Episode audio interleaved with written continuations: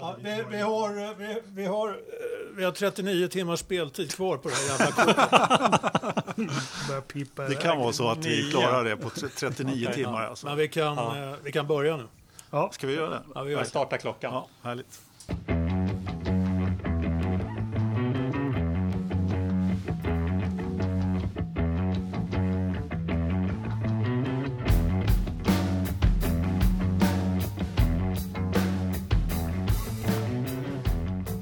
Välkomna till Forza Motorsport och eh, avsnitt fyra i den här podden. Och eh, som vanligt är panelen samlad. Det är jag, Ola. Ternström. Jakob. Lövström. Fast vi är här för avsnitt tre. Är bara... Jag är här för avsnitt fyra. Okay. Ja, okay. ja, så att, ja. vi kan väl dela upp det lite grann. Avsnitt tre eller fyra, oavsett vad så har vi ett nytt avsnitt på gång. Och, eh... det, det finns ju ett fjärde avsnitt som inte är publicerat. Precis. Ja, det, det, det, kommer i bloopers eh, efter säsongen. Fast var inte det här fjärde? Nej, vi gör om tycker jag. men han sa ju välkommen till fjärde. Så ja, men okej okay, då. Att det finns ett fjärde, så varför sitter och... Nej, kör nu för fan. ja, kör. Jag kan inte hålla på och ta om. Nej, kör en introduktion igen. Jag tycker det var en jävligt bra inledning. Om man jag tycker det också, ja. men jag kan peka på er igen. Vi kan, går att klippa bort det här. Ja. Varför då? Nej, nu kör vi. Kom igen Ola. Eh, Kanadas GP. Det är därför jag är lite extra glad och lite extra förvirrad. För det är ett av mina favoritrace någonsin på F1-kalendern. Eh, härligt land, bättre land än allt det som USA gör dåligt är Kanada bra på. Härlig stad, härlig bana, alltid bra race. Kan mm. vi sammanfatta det så? Vad känner ni för Kanada? Jag kan säga att jag tycker, det är en favoritbana för mig också faktiskt. Eh, kanske inte för att Kanada är ett så härligt land eh, bara, utan jag gillar banan. Det händer mycket. Det är liksom, den är utmanande. Det är ja, allting. Det finns mycket bra lopp, ofta bra racing, händer mycket. Det brukar regna ibland. Jag kom på en negativ grej med Kanada ja, och det är att Lewis Hamilton vinner där så ofta. Ja, han har vunnit de tre senaste åren va? Ja, sex segrar totalt. Men det får man ta. Ja, det får man helt enkelt göra. Det är väl den enda negativa grejen jag kan komma på med Kanadas GP. Jag, jag håller med er eh, föregående talare. Sen tycker jag det är lite kul när det blir ett kvällsrace, att man får sitta på söndagskvällen och titta på ett race. Eh, det tycker jag ger lite extra krydda faktiskt. Så ser fram emot helgen. Inleda fredag eftermiddag med fria träningen 1. Ja, slippa tacon. Eller ta tacon tillsammans med ja. fria träningen. Ja. Tittar vi på de fria träningarna fortfarande?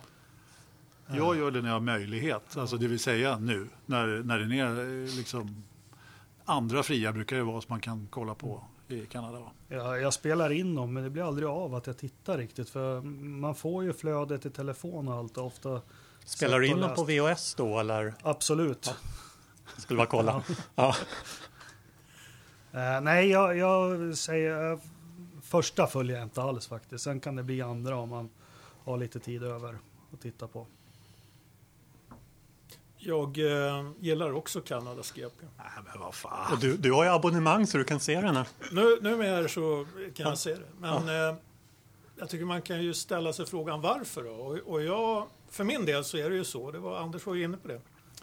Det är en bana som eh, inte tillåter några misstag. Och sådana mm. banor har vi alldeles för få av i F1-kalendern.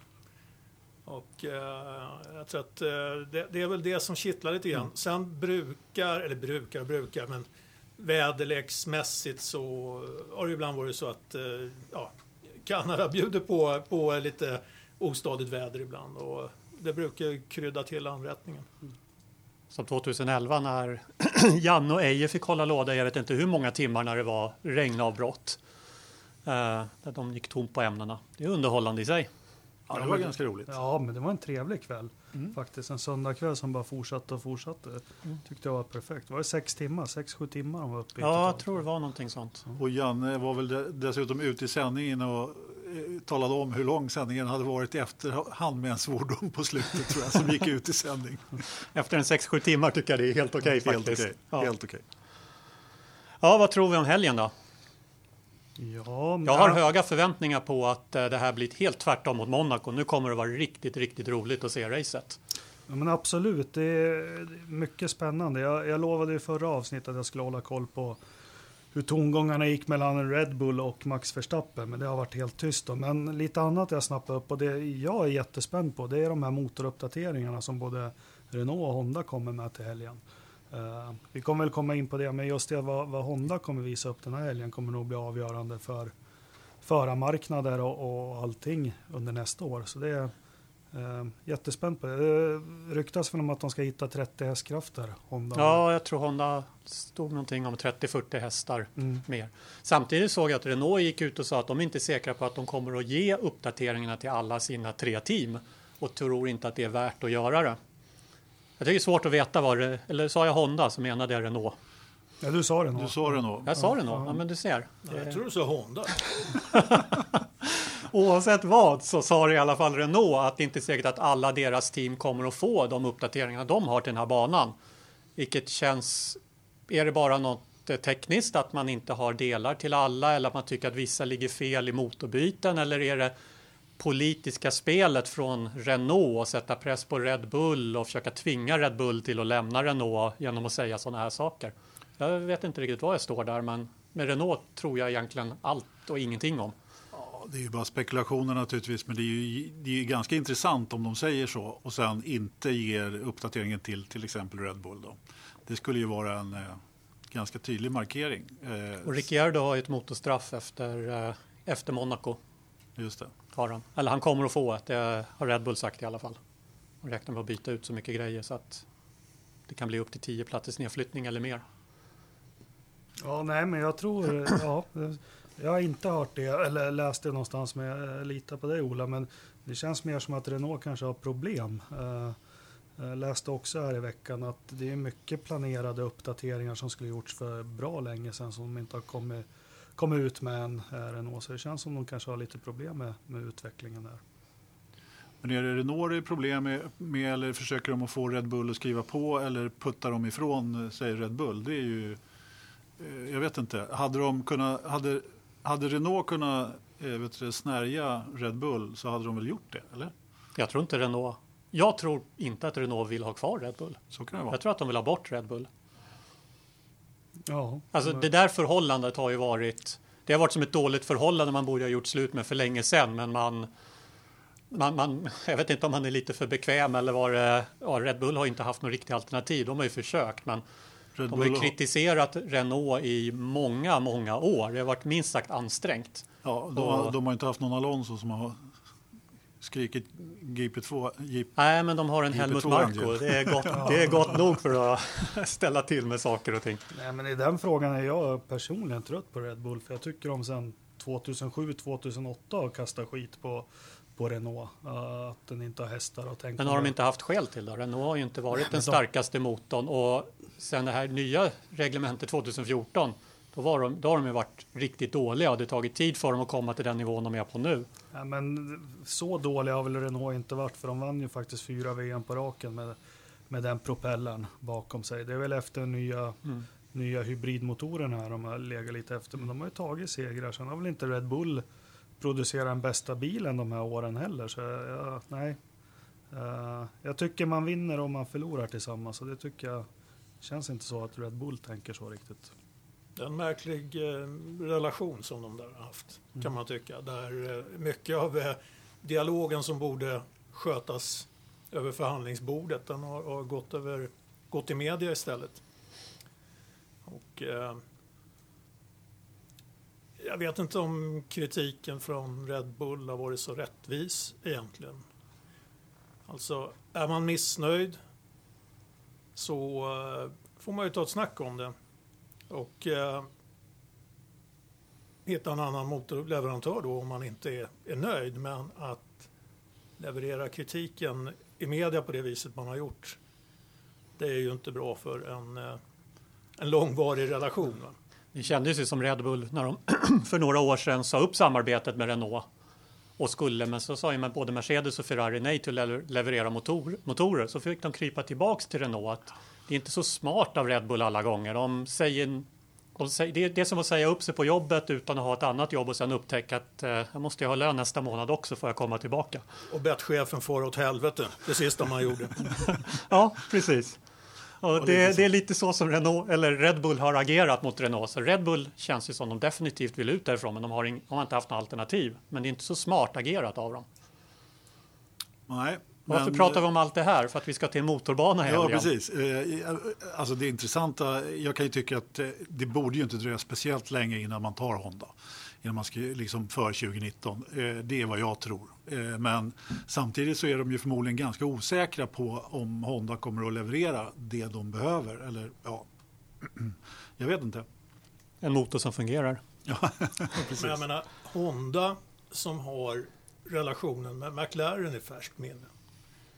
Som ju var ungefär likadan som den mellan Renault och Red Bull. Japp.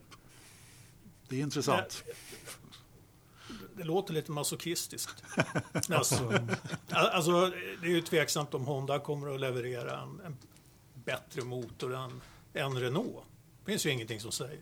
Absolut inte, nej. Nej, men jag är lite romantiker, så jag har ju velat trott på det här med Honda och tycker om Honda som märke och deras produkter och bilar, men de har väl någonstans, ja, någonstans börjat inse att de, de pallar nog inte med det här. Det, det känns inte så, för nu, när gick de in? 2016 va? 15? Honda? 2015. 2015 gick Ja, Honda så det är fjärde året nu och det, är faktiskt, det funkar ju faktiskt inte så bra i år heller. Om man ska vara helt ärlig. Ja, japanerna börjar få en tradition av att misslyckas i Formel 1 Mm, numera. absolut. Toyota, Honda. Ja, det är lite förvånande egentligen att Honda kom tillbaka efter de drog sig ur då. Mm. Eh, jag blev lite förvånad när de gjorde en sån stor satsning igen. När de liksom hade med dunder och brak betalat ett, eh, Ross Braun ett år i stort sett för ett Mm. stall. Liksom. Och sen eh, några år senare så kryper de tillbaka. Liksom. Det där känns för mig lite grann som Renaults förhållande till Formel 1 också. Vi är med, är vi inte med? Ja, men vi är med igen, ja, men vi är inte med. Så man är med hela tiden, men på något vis vacklar man inte vara med och vara med. Och så känns det med Honda också, men det är nog klart att vi måste vara med. Så blir vi alla fantastiskt, fantastiskt entusiaster. Vi kommer ihåg att det var ett par, tre år där i rad som Honda, Honda-bilar kunde vinna i Formel 1. Men det är ju enda, enda framgången Honda haft i Formel 1 egentligen. Men Ja. vi tillmäter det jättestor betydelse. Så ja, Honda kommer in igen och Honda är med några år och redan nu pratar de i Toro Rosso-samarbetet om att det är nog dags att få in en japansk förare. Det vill vi nog ha. Och det, var, varför det? Ja. Men men som den sanna vännen av min historia som jag är. Nej, men om man tittar på Honda också när de de vann ju mycket i början på, nej i mitten på 80-talet började de vinna, men det tog faktiskt många år innan de fick till det då med. Det var ju absolut inte lika avancerat, men de hade väl några år med Lillövis först va, i, i något som heter Spirit, i början på 80-talet. Sen körde de två år med Williams utan någon framgång innan de fick till det. Så vi får se, jag, jag hoppas, för det behövs en till motortillverkare som, som kan vara med och, och konkurrera. Eh, tycker jag i alla fall. Ja, för det gör ju lite e- enahanda annars. För om vi ska sitta här och prata inför Kanadas GP och vilka kommer att vinna på banan så känns det som att ja, men det är en fight som står mellan Hamilton och Vettel med deras respektive hjälpryttare i, i teamen och där har vi topp topp fyra. Mm. Och det är motorsituationen som avgör att det är mycket så. Red Bull kanske kan utmana även om de har ett motorhandikapp och motorbana här men de har uppenbarligen en bra bil och sen det är det. Vi saknar den här dynamiken av att vilka kommer att slåss om segern och även om det alltid varit smalt i toppen i Formel 1 så är det ju extra smalt numera. Hur eh, ser situationen ut för vår vän eh, Max Verstappen då? Han har inget motorstraff att vänta här va? Nej, han ska väl sätta bilen i muren för sjunde gången i, i år. Och, och, och, och det här är ju en bana som är jäkligt utmanande och han om någon har ju pressen på sig. Men vi hade väl en fråga där på forumet också. Eh, någon som undrade vilken, under vilken träningspass, kval eller lopp som han skulle sätta den i muren. FP2. Loppet. Kanske FP3 den här gången och så hinner de inte eh, bygga ihop den. Han gör, en, han gör om en Det var ju på Monaco. Monaco det. Det var samma sak. Jag tror eh, på kvalet då, bara för att säga någonting annat. Ja, ja, men då får vi se. Jag kan ha fel redan på fredag kväll då. får se. Ja, det är bra. Men, Men jag skulle eh, knyta an för vad du sa tidigare där Jakob om eh, att det varit lite tyst kring Verstappen och Red Bull. Jag tycker ändå att jag snappat upp lite grann att Horner har ju varit lite hårdare. Han har gått ut och sagt att nu är det dags för Verstappen att faktiskt lära sig. Nu är det dags för honom att tänka över det här och också gått ut och sagt att det är tur för Max att han har en så bra lärare som han har i Ricciardo som han kan lära sig av. Det är ganska hårda ord helt plötsligt från ett team som har varit i alla fall utåt sett väldigt förlåtande över alla misstag som Max gör emellanåt. Jo, men det är väldigt hårda ord och jag har tänkt på det där sedan förra veckan vi spelade in också att Självklart, jag är inte dummare än så. Som, jag, jag förstår väl att Verstappen har fått, han har säkert fått skit av sitt stall liksom, men det har varit inom fyra väggar, inom stallets väggar. Eh, det är ganska tufft för de är ändå ett team och jag tycker, jag tror ju på att man ska skydda sina egna. Eh, så det är helt klart en riktningsförändring nu från, från teamet mot Verstappen och det, ja, eh, de sitter väl också i en sits, sits där teamet, för de har ju, de har ju lagt alla ägg i Verstappen-korgen här och skrivit han har väl kontrakt till 2020 och de börjar väl märka nu i år att det här kanske inte är den vi trodde att han kan leda det här teamet några år framöver med de misstagen han gör. Så ja, jag skulle känna mig pressad om jag var Max. Ja, men det för oss ju in på vad, vad som händer på förarmarknaden. Vi hade ju någon diskussion på, i Facebookgruppen, jag tror det var Anders Blomqvist som startade den om var vi tror att Ricciardo kommer att hamna nästa säsong. Ja, men det Så vad tror vi om förarna? Jag, jag håller nog med dig. Jag tror att Red Bull inser ju att Ricciardo är ganska viktig för dem nu. Om de, även om det är inget det är klart att de har tyckt det redan innan, man kanske har blivit ännu mer viktigare för, för dem nu. För att, eh, Max behöver ännu mer tid än vad man kanske trodde att polera till sig. Jag tror nyckeln till allting det är den här hur Honda-motorn kommer gå. Uh, sen vet inte jag, men Red Bull de vill ju ha kvar Ricciardo, det är jag säker på. Men jag är ganska säker på att han vill ha så mycket garantier han kan få för att kunna vinna ett mästerskap innan han skriver på för, ett, för något stall. Teoretiskt är det ju tre bättre Rent teoretiskt är det tre bättre platser som är lediga för honom nästa år som är bättre än Red Bull och det är två platser hos Mercedes och en plats hos Ferrari. Den enda föraren som har kontrakt över nästa år i de två teamen det är ju Vettel som har kontrakt till och med 2020 tror jag. Yes. Men, eh... Men kommer han att hamna i något av de teamen? Lewis Hamilton gick ut och var väldigt tydlig med att eh, han tror inte att han, han, kan inte se att Ricciardo kommer att köra för Mercedes. Han tror inte på det. Och han hintade väl mer eller mindre öppet också om att han tror inte han kommer att köra hos Ferrari heller. Jag håller med Jakob. Jag tror att Red Bull vill ha kvar Ricciardo. Det, ja. det, tror jag är ganska... Och det förvånar mig lite att de utåt då säger att de har ingen hets med hans kontrakt och eh, vi håller på att lösa motorsituationen först och sen tar vi tag i Ricciardos kontrakt. Jag tror nog att de hade velat haft kråkan på pappret där redan nu. Men eh, eh, så, precis som vi har pratat om tidigare så han har ju ingen annanstans att ta vägen egentligen. Eh, även om det är några platser mm. lediga då, om det inte händer något väldigt annorlunda. Kan vi se honom hamna hos eh, Mercedes? Eller håller vi med Lewis Hamilton? Jag är benägen att hålla med tyvärr. Ja, men ja. Jag vet inte.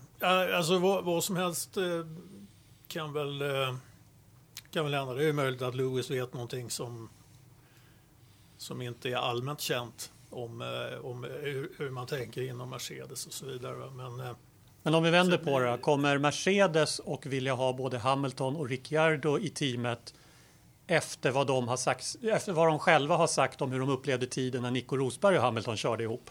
De vet ju att Hamilton är jäkligt knepig mm. och kan verkligen eh, sätta igång eh, processer i, eh, i teamen som kanske inte är sådär jättetrevliga och roliga att hantera. Men, men, men ja, som åskådare, jag, du var inne på det Ola, vi, vi har två stall som, som är bra, men Räikkönen och Bottas, för i helskotta ska de vara kvar alltså en dag till? Jag tror jag. Ja, men jag är vansinnigt trött ja. på det att de åker runt i två så bra bilar. För om vi ser på de senaste säsongerna, Bottas har ju aldrig tagit poäng av Vettel och Kim har ju aldrig tagit poäng av Lewis. Ändå så pratar man om att de här ja, är så bra. fast nog har Bottas tagit poäng av Vettel. Ja, någon enstaka gång då kanske han har gjort det. Uh, nu raljerar jag lite, men jag, jag, tycker ändå för att få lite dynamik i mästerskapet så skulle det vara jättekul om det, om det fanns i andra sätet i Ferrari och andra sätet i Mercedes någon som kunde Ja, men en Ricciardo mm. ihop med, med Hamilton och än Vettel ihop med ja, någon annan. Det skulle ge lite min, mer dynamik som åskådare. Absolut, ja men som fans tror jag vi alla kan skriva under på det. Men kan vi se några F1-team som vill jobba och agera så idag? Eh, inget team. Mercedes har ju varit tydliga efter att Nico la av att stämningen i teamet, stressen i teamet, så som att det var skadligt för Mercedes så som stämningen var mellan de två teamen i teamen. Det blev två team i teamen. Nico Rosberg och Hamilton hade duster både på och vid sidan om banan och, och det var tur att de var så överlägsna som de var så de kunde leva med det. Men de var ju fullkomligt dominanta. Det var det som gjorde att de kunde leva med det. Men det är de inte idag. Men Red Bull funkar ju tycker jag. Det måste man säga fast Max har gjort bort sig lite. Nu har de ju kört ihop till tredje säsongen va. Max och Ricciardo. Det är inte skillnad när man kommer upp i Red Bull har inte varit i titelläge sedan Vettel lämnade det där teamet Nej, det eller sant. i det nya reglementet. Så Mm. nu funkar det ju, men jag tror att om Ricciardo och Verstappen skulle slåss om VM, Nej, då skulle då nu, tror jag att det skulle vara, jag menar, Mark Webber var väl lite grann av en Bottas eller Räikkönen-figur hos Red Bull Ja. när Vettel körde där, men det slog ju gnister mellan honom och Vettel många gånger.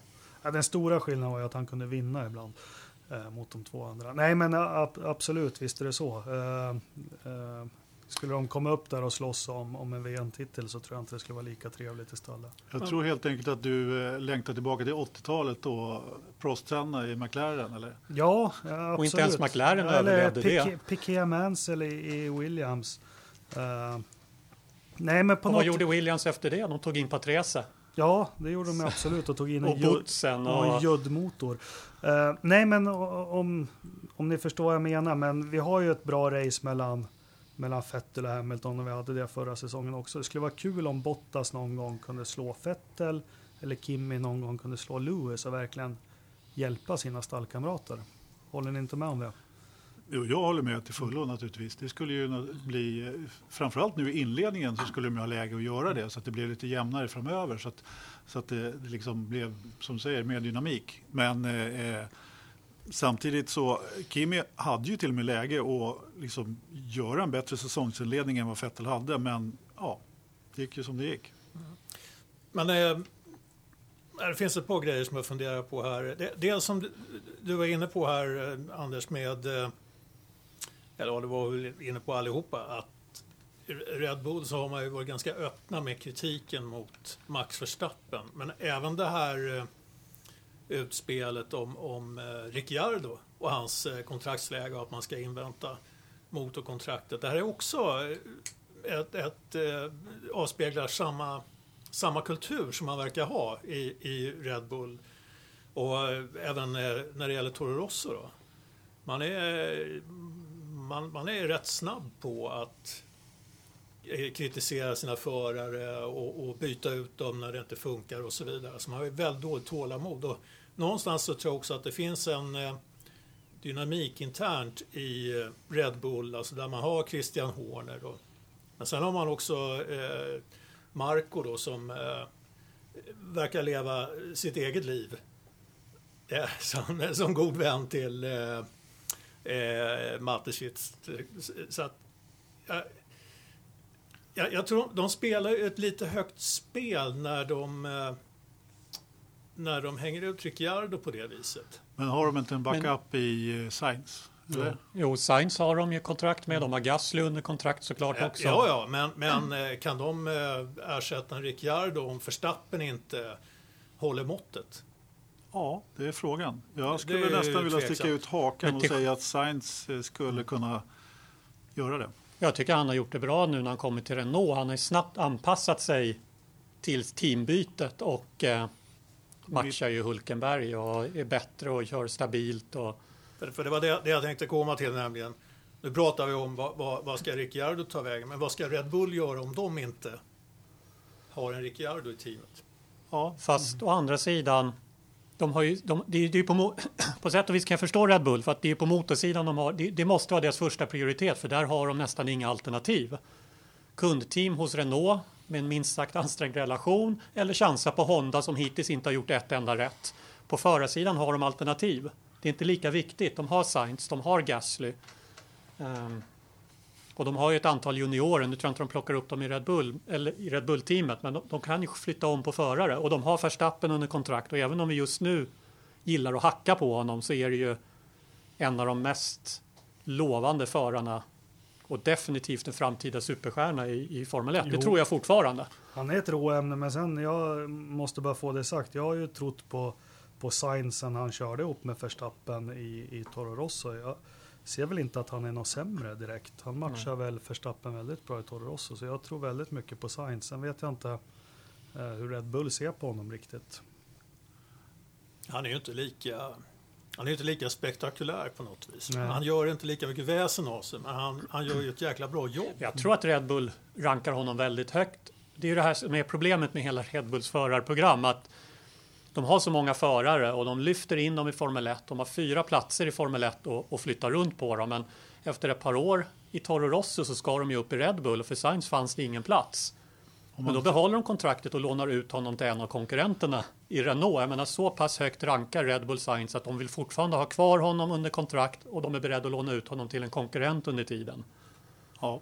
Det, det tycker jag är talande för hur högt man faktiskt rankar Sainz. Men problemet är att man har Verstappen och Ricciardo också. Och Verstappen försvinner ju ingenstans de närmsta åren. Och Ricciardo ser ju ut att bli kvar också. Jag kan inte se om vad han skulle ta vägen. Om de inte sätter eh, Verstappen på eh, ett tillväxtår i Toro Rosso. Och så, och så kallar de in Liuzzi igen, kanske. Ja. Nej, men det är... Kör han fortfarande? Jag ja, tror inte det. är det. Säkert. Trädgårdstraktor. Någonting. Nej, men det blir spännande att följa. Eh, såklart. Tror vi att eh, Ricciardo skulle gå någon annanstans? Renault, McLaren, team som på pappret och i verkligheten faktiskt just nu sämre än Red Bull men ändå för att bygga något på sikt. Finns det något att bygga på sikt där? Eller är det smartare att sitta kvar hos Red Bull och vänta på att Hamilton eller Vettel lägger av? Det skulle vara om man byter till Renault då, Ja, skulle men jag säga. Men, eh, och Sainz hoppar tillbaka eller någonting i den stilen. Men äh, nej. Jag tror att eh, Forza-podden får vara eniga om att Ricciardo kör ett år till i Red Bull. Ja, det tror jag med. Fast det flörtas med hans italienska påbrå att han ska köra Ferrari. Jag tror också han blir kvar. Eh, och jag tror det smarta vore att skriva ett kontrakt som löper ut samtidigt som Hamilton och Vettels kontrakt. Så han sitter i en situation när de har kontraktsförhandlingar hos Mercedes och Ferrari. Att då kanske knipa en av deras platser där. Vem Att är Ricciardos manager? Du kanske har ett öppning där? Åka ner och Ja. skriva lite? Ja, men ja, jag, jag, jag, ringer, jag ringer honom. Men han är väl inte purung längre? Hur gammal är pojken? Han är ju supergammal jämfört med Verstappen. Ja, jo, precis. Är... Nej, han... Alltså det är det här som är så jobbigt egentligen för att numera i Formel 1 så är man ju lastgammal när man passerat 22-23. Om man inte redan har slagit igenom och etablerat sig. Helst ska man ju ha vunnit en VM-titel och många segrar vid 22-23 års ålder. Eh, hela Hamilton, Vettel, eh, Ja, det, är, det är ingen eh. marknad för late bloomers direkt. nej. Och Ricciardo, det kan vi väl snabbt ta reda på, men nej, han har ju passerat de där Ja. de där första lovande unga åren och han slutade vara ung och lovande den dagen Verstappen kom in i teamet. Så...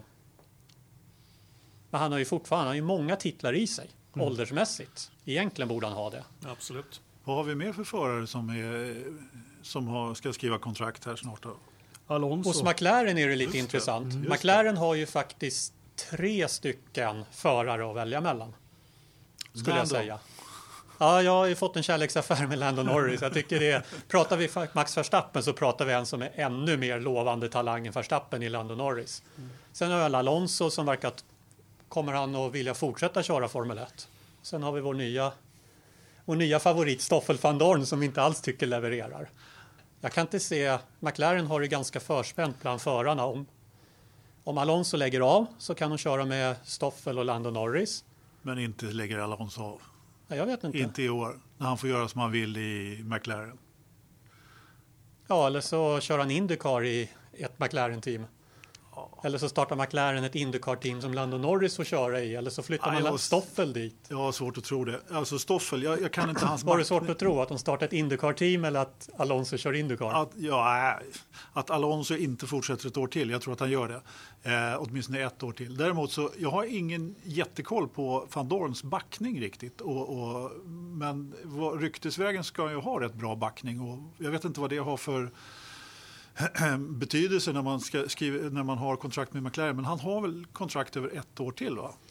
Jag vet faktiskt inte. Jag tror det. Jo, han har ett tror år att till. han Ja, har- ja. Jag, tror han har ett år ja. till. Så det är Alonso i så fall om Lando ska upp eh, redan Mm. nu då. Men eh, Lando har ju haft det lite jobbigt i alla fall i F2.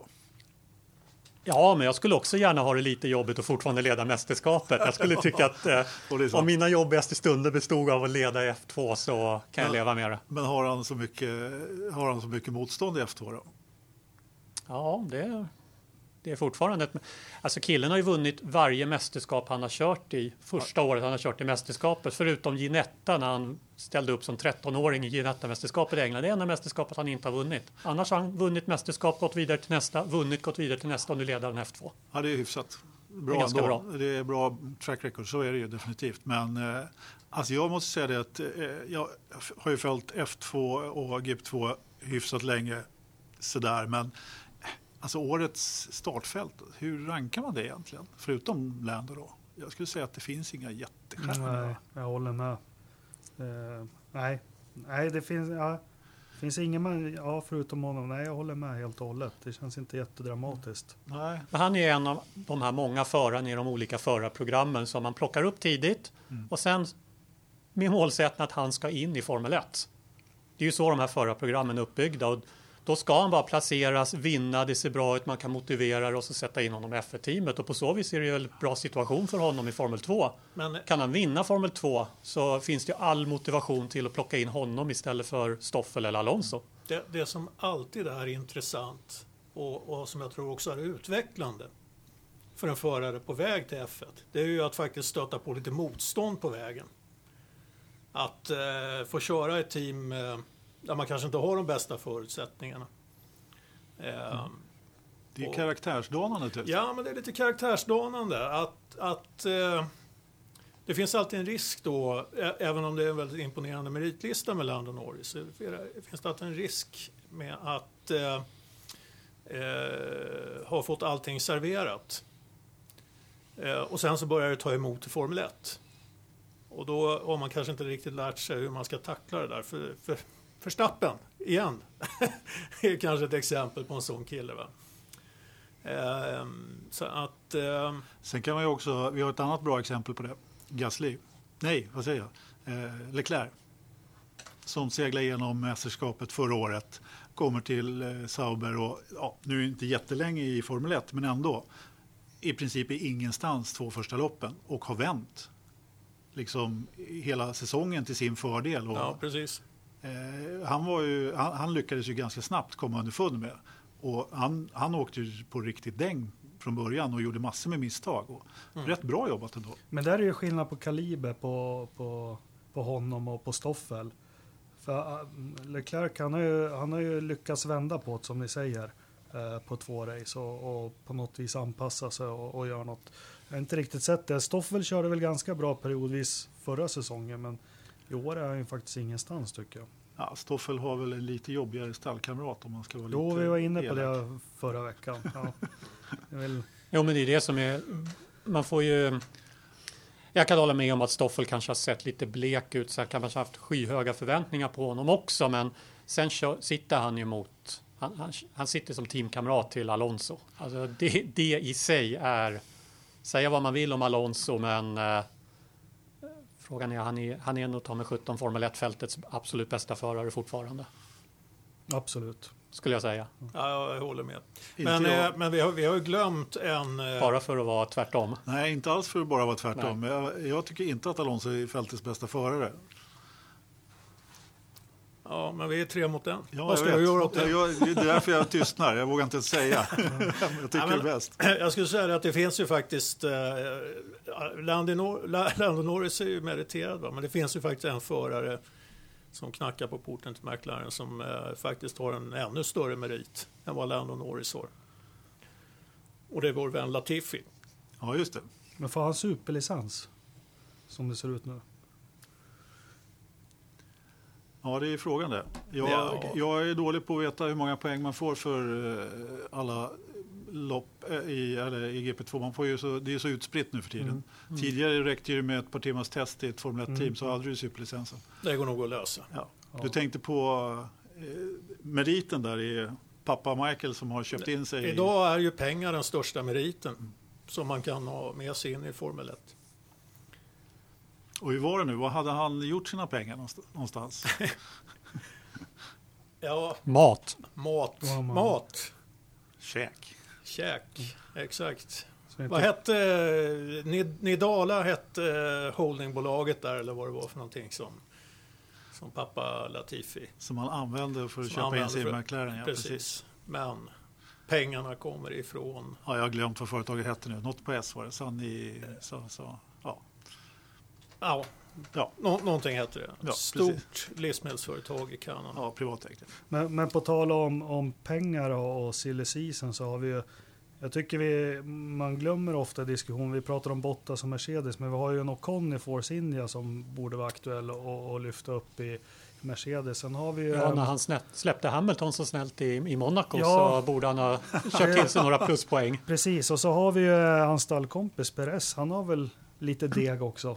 Honom hade jag också på listan här. Och han har dessutom inte kontrakt över nästa år. Nej, Har han tröttnat på Force India? Nej, Tror du inte? nej. Och eh, Maljas alla galenskaper. Men jag, jag, tror, jag tror att han, vad har han för alternativ? Ja, men tror du inte han kan ta sig. sin eh, pengapåse och gå till... Ja, Jag tror ett, en intressant alternativ för Perez skulle kunna vara ifall, och det är Ferrari. Om man tänker att Ferrari tröttnar på Kimi, eller Kimi tröttnar på Ferrari eh, och inte fortsätter nästa år och Ferrari inte känner att Leclerc är redo att kliva upp i den sitsen, då måste de hitta en förare som är någon slags stopgap tills Leclerc är, le- är, är ledig. Då skulle en sån som Perez kunna vara det stoppgapet. Tillräckligt snabb för att köra in konstruktörspoäng, tillräckligt långsam för att inte uppröra någonting och eh, varit med tillräckligt länge för att kunna acceptera ett par år, ett eller två år hos Ferrari. fast han brände väl de broarna när han gick till McLaren 2013, för han var väl med i deras... Det vart väl lite tjafsigt då. Han körde i Sauber 2012 eh, och var juniorförare för Ferrari, eller hjälp mig nu. Men ja, apropå brända broar, ska vi prata lite om Alonso och McLaren? Så Ja, kan vi konstatera ja. att brända broar kan Det, återuppbyggas. det var ju Rons fel. Nej, eh, skämt åsido. Men eh, vi har ju Grosjean också. Han vill väl köra lite Ferrari ett år. Ja, han kommer- kan säkert köra Ferrari Super Challenge i Italien eller någonting. Det Precis vad jag skulle säga. Han kommer aldrig köra... Och det är enhetsbromsar i den serien. F1 Så att, eh, Nej, men de, på tal om silly season så, det var väl eh, var det Autosport som hade en, en podd där nu. De bedömde väl att de som är väldigt osäkert med en plats som det ser ut just nu, det var väl Grosjean, Eriksson och så var det någon mer de nämnde. Eh, ja, men vad är det mer då? Brandon Hartley. Ja, Hartley. Hartley, såklart. Att det är de tre som ligger Mm. i farozon. Annars så tror jag, och de är väl ganska initierade, så de tror väl att de flesta sitter säkert när, när musiken har tystnat. Så Ja, men- en Jo, men det byggde vi lite grann på att Ricciardo har inte så många Nej. alternativ till att vara kvar hos Red Bull. Eh, Mercedes väljer mellan Bottas och Ocon, skriver nytt kontrakt med Hamilton. Ferrari som vi nämnde, som vi var inne på här nu, antingen fortsätter man med Kimi, man kanske chansar på Leclerc. Eller man tar in någon sån som Perez som en eh, interimslösning tills Leclerc är ledig. Leclerc, Leclerc, jag vet inte vad jag ska jag säga vet inte heller, jag säger som Rydell, Leclerc. Leclerc. Leclerc. Leclerc. ja. Leclerc. Ja. Leclerc. Ja. Eh, nej men eh, Magnusen där, han har väl tvåårskontrakt. Han har väl också en kontrakt över för första gången. Det var du som sa sist. Eh, så att, Ja. eh, och, eh, men Grosjean, alltså, Dessutom har Magnusen gjort det tillräckligt bra för att eh, varför skulle han inte vara kvar? Ja, det precis. året han har kontrakt. ja men precis. Han, det känns som att han sitter rätt bra Ja. här. Och det funkar i teamet och liksom han har bra eh, arba, grottar sig igenom liksom och har en uppåtgående trend. Något som eh, Grosjean inte har. Han har ingen trend. Det är han liksom, Ja, den är så dålig så den är inte ens den negativ. finns inte. Ja, han Liksom. sitter i väggen i helgen, det är jag helt säker på. Annars så lovar jag att äta upp min hatt nästa tisdag. Om inte han sitter i väggen, Grosjean, nu på söndag. Kan vi spela in en videoklipp Absolut. i nästa podd? Ja, det blir videopodd nästa. Videopodd där eh, Jakob käkar hatt. Ja, jag, jag vågar inte sätta emot faktiskt. Nej. Men eh, eh, jag vet inte. Eh, var var vi någonstans? Silly season. Jo, Eh, Hartley. Hartley lär ju ryka, om inte under säsongen så efter säsongen. Och sen har vi vår svenska förare, som Jakob nämnde också, Marcus. Marcus, ja precis. Mm. Jag skulle vilja vända på den frågan lite grann. Vem skulle in i Sauber om Marcus får silkesnöret? Oj. och tystnaden la sig över bordet. Ja, precis. Det, jag, Alltså jag det, det- det- naturliga är väl att säga Giovinazzi. Oavsett, alltså någon, eller någon annan förare som har någon form av Ferrari-koppling. Gustav Malja. Skulle inte vara dum.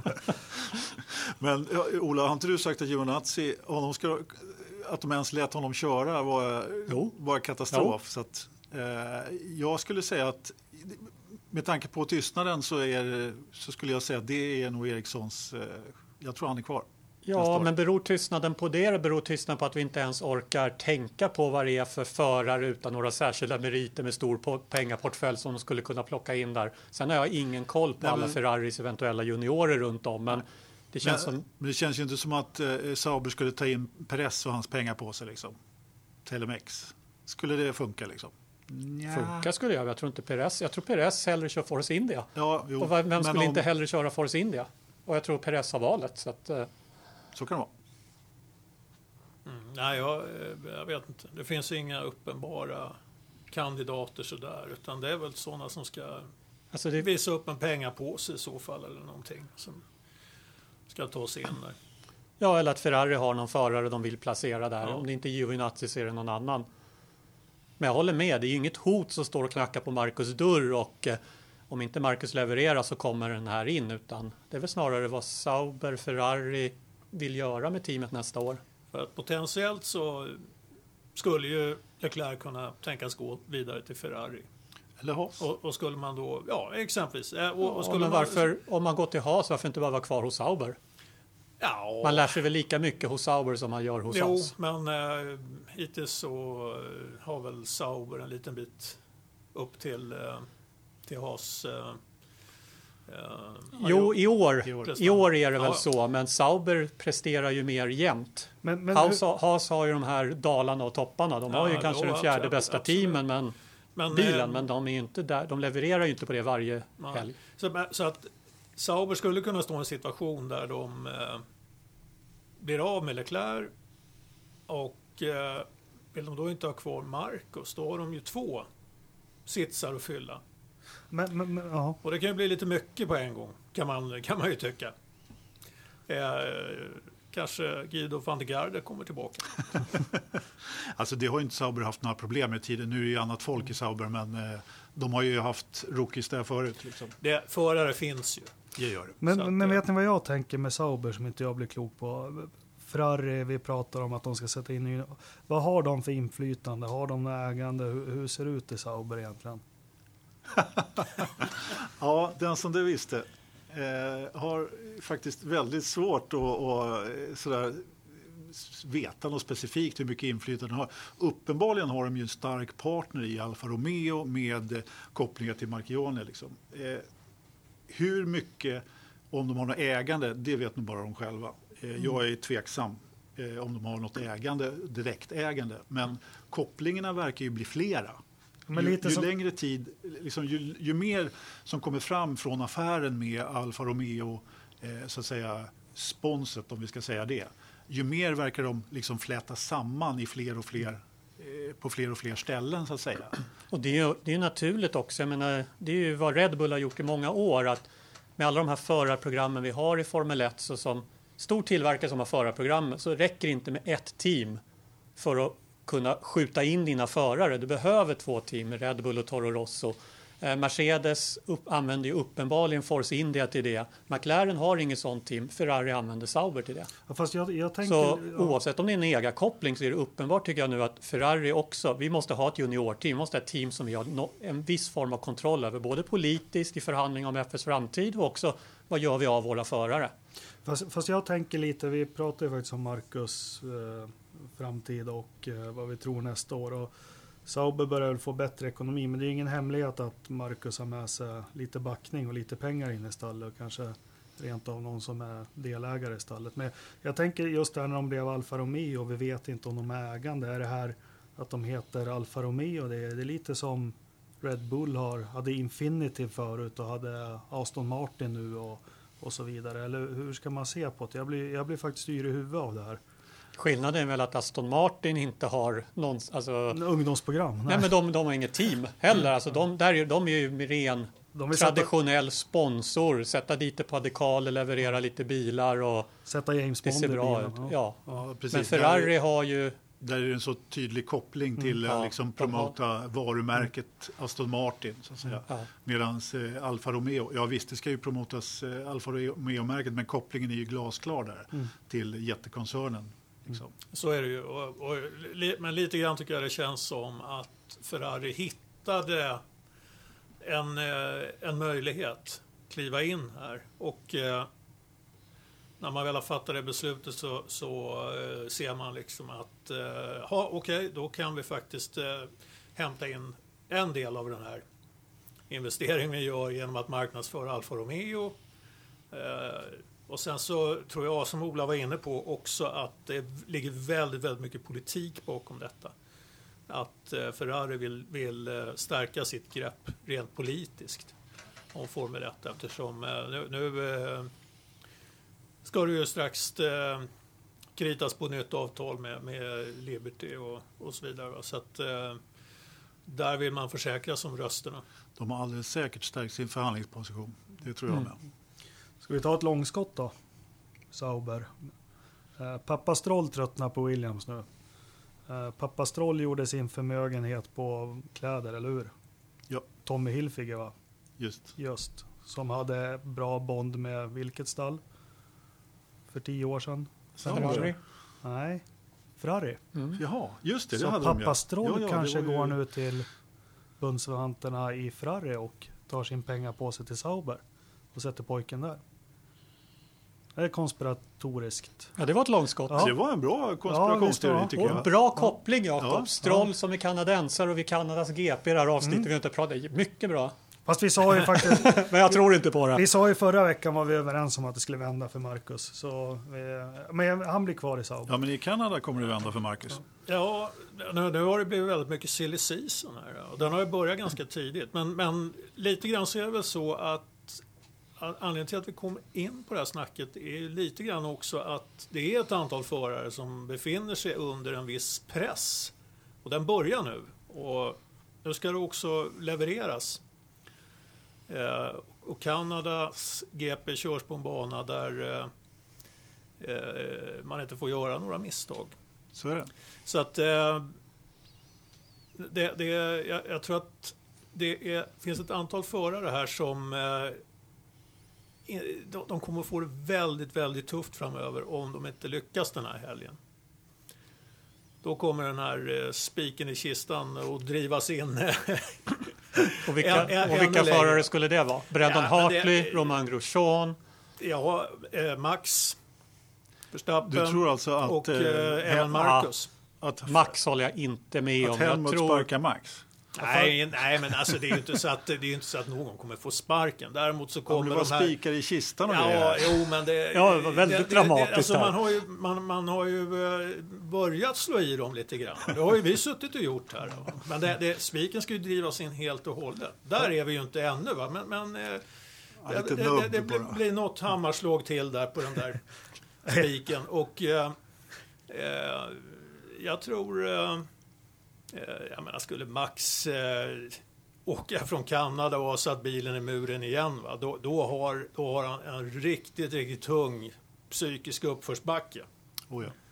Den saken är klar. Ja. Och, och det gäller även, eh, även Marcus om han eh, eh, blir frånåkt av Leclerc igen till exempel. Och eh, ja, Grosjean, han har, han har ju en del att vända på också. Men inte en av Marcus, om man ska säga räddningar, eller som alltid har varit, att det är ingen som förväntar sig någonting av Marcus.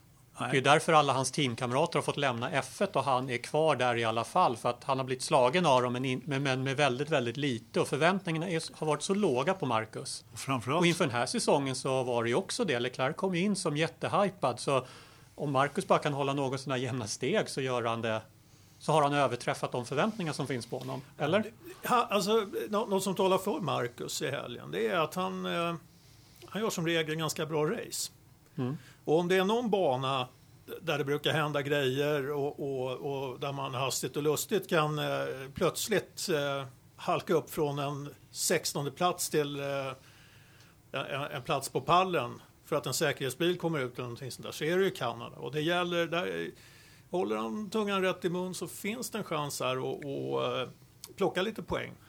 Men ja, på tal om Ja, men jag, jag blir glad. Du presenterade Ternström första avsnittet som en domedagsprofet. Så jag, jag tyckte om det här du sa nyss. Jag, jag har väntat på det. Men hur, hur har Marcus kört historiskt i Kanada? Jag har lite dålig koll på det. Han har kört ganska bra faktiskt. Det, det verkar vara en liten favoritbana även för honom. Han har, eh, han har inte förlorat mot någon av sina stallkamrater. Eh, det var 2014 i Caterham som Kobayashi och han bröt båda två. Eh, men då var han ju före i kvalet. Nej, det var han inte. Han var bakom. Skitsamma. Han har varit bakom i alla kval utom eh, 2015 var han före Nasser i kvalet. Eh, men slog honom i loppet. 2016 så var han bakom eh, Nasser i kvalet. Då var han sist. Och, eh, men slog, var 15 i mål och Nasser var 18. Förra året var han 13 i mål och Wehrlein var 15. Jag kommer faktiskt inte ihåg exakt hur det var där, men eh, hur var det i kvalet då? Ja, ja. Ja, det var bra. Det var soligt. Ja, men I vilket fall som helst så har han eh, åkt ifrån sina stallkamrater i Kanada. Ja. Ganska eh, övertygande från sämre startpositioner. Så att helt klart så verkar det vara en bana som Marcus gillar i alla fall. Men det, ja, vi får se vad vi kan hoppas på i helgen. För det, det är ju faktiskt om man börjar köra på den här banan 78, nu kommer en liten historielektion. Jag har inga som helst faktabelägg för det, men det känns som att Kanada är en bana som har flest förstagångsvinnare. Eh, Villeneuve, eh, Jill Villeneuve, pappa Villeneuve vann ju sitt första lopp någonsin där 78. Sen Botsen vann sitt första lopp där 89. Sen har vi, vad hette han, fransk-sicilianaren Eh, Alesi vann sitt första och sista lopp där 95. Hamilton vann sin första lopp där 2007. Eh, Kubica 2008 och Ricciardo 2014. Så vi kanske får en ny förstagångsvinnare i, i år. I Marcus tänkte du då? Eller? Ja, kanske. eller vågar vi hoppas på det? Ja, men vad, vad, vem, vem skulle kunna ta sin första seger i det här startfältet? Oj, bra fråga. Ja, jag, jag lutar mig tillbaka. Jag höll på att säga Bottas, men... Ja. jag har ju, jag har ju tippat ja. att Kimi ska ta sin första seger på 100 lopp då, eller vad det är. Det, det är ju nästan som ja. eh, om man aldrig har vunnit förut. Precis. Om man skulle vinna i Kanada. Ja. Uh, ja, men Perez, nej, Hull, nej. En Renault, för, ja, men det, det är ju det här som är så jobbigt med Formel 1. Att, eh, all, Red Bull Mercedes och Ferrari ska ju tappa alla sina, ska ju tappa alla sina bilar för att vi ens ska kunna tänka att någon annan ska ha chansen. Kevin Magnussen i Haas. Men kan inte Lewis Hamilton köra in någon i depå som man brukar göra i Kanada? jo, men det ska ju till sådana grejer. Ta Kevin Magnussen i Barcelona. Han betraktar det som en seger för att han var best of the rest ja. av dem. Och det är ju så det är. Inget jättestort avstånd framåt. Så alla de här sex bilarna ska försvinna. Då, då är det Kevin Magnussen i Haas Speeden finns där, bilen är snabb. Eh, kanske en Renault-förare, men då kan ju lika gärna Alonso vinna. Han kommer inte ta sin första seger, det var det vi pratade om. Så ja, men, men, Hulkenberg, Sainz eller eh, nej, Magnussen? Ocon eller Perez i så fall. För ja. Force India som det heter nu heter ju ursprungligen Jordan, eller hur? Och de har ja. alltid gått fort på den här banan eh, av någon konstig anledning. Uh, ända sedan 90-talet när det hette Jordan och Force India har också gjort bra resultat. Det var för att de inte kunde bygga tillräckligt mycket downforce. Nej, precis. De var bra på rakorna där. Men uh, ja, Perez är väl den som skulle kunna vinna, säger jag. Tog inte Stroll sina första poäng här förra året? Var inte det Baku när han kom på pallen i Baku förra mm. året? Ja, men Baku var väl efter Kanada förra året? Ja, Nej, jag tror Baku var före och sen kom de till Kanada och så åkte han på okay. framgångsvåg ja, av pallplatsen. Jag säger att Stroll tar sin första seger i alla fall jag säger Kevin Magnussen säger Du sa ju Kimmy förra veckan ja, skulle vinna. Nu. Jag, jag skojar faktiskt lite när jag sa att Stroll skulle ta sin första seger. Du ska ha raksträckor och curse och så ska du ha två segrar i ett lopp. Det här är kanonbra Anders. Ja, det är bra. Men eh, eh Kanadas GP är ju lite intressant. Det finns ju en koppling här till, eh, till Sauber kan jag tycka. Eh, det var, eh, ska vi säga, 2007, 2008 Kubica tänker du? Nej, Kubica vann ju, sitt, vann ju sitt eh, enda Grand Prix. Ja, han försökte köra ihjäl sig året innan va? Ja, precis. Och eh, det är lite intressant på så sätt att, att de där säsongerna representerar ju Saubers bästa säsonger. Eh, Egentligen så var det ju, eh, var det ju eh, fabriksteam då för BMW som ju köpte in sig i teamet. Och eh, sen sålde de väl tillbaka till, till Peter Sauber. Men efter det så har det ju gått eh, käpprätt ut för så att eh, 2007-2008 det, det, är, eh, det, det är säsong som man kan titta tillbaka på. Det är ju fasen det är tio år sedan alltså. Usch, ja. Sen, eh, det var där eh, den här, eh, vad är det man kallar det för? Golgatavandringen började. Ja, just det. ja, med lite upp och lite ner. Men mest ner. Mest neråt, alltså en ganska stadig trend neråt får man ju säga. Men det var väl när BMW lämnade Sauber, va? När Ja. BMW lämnade Formel 1. Ja, precis. Och Sauber, då var de ju riktigt illa ute.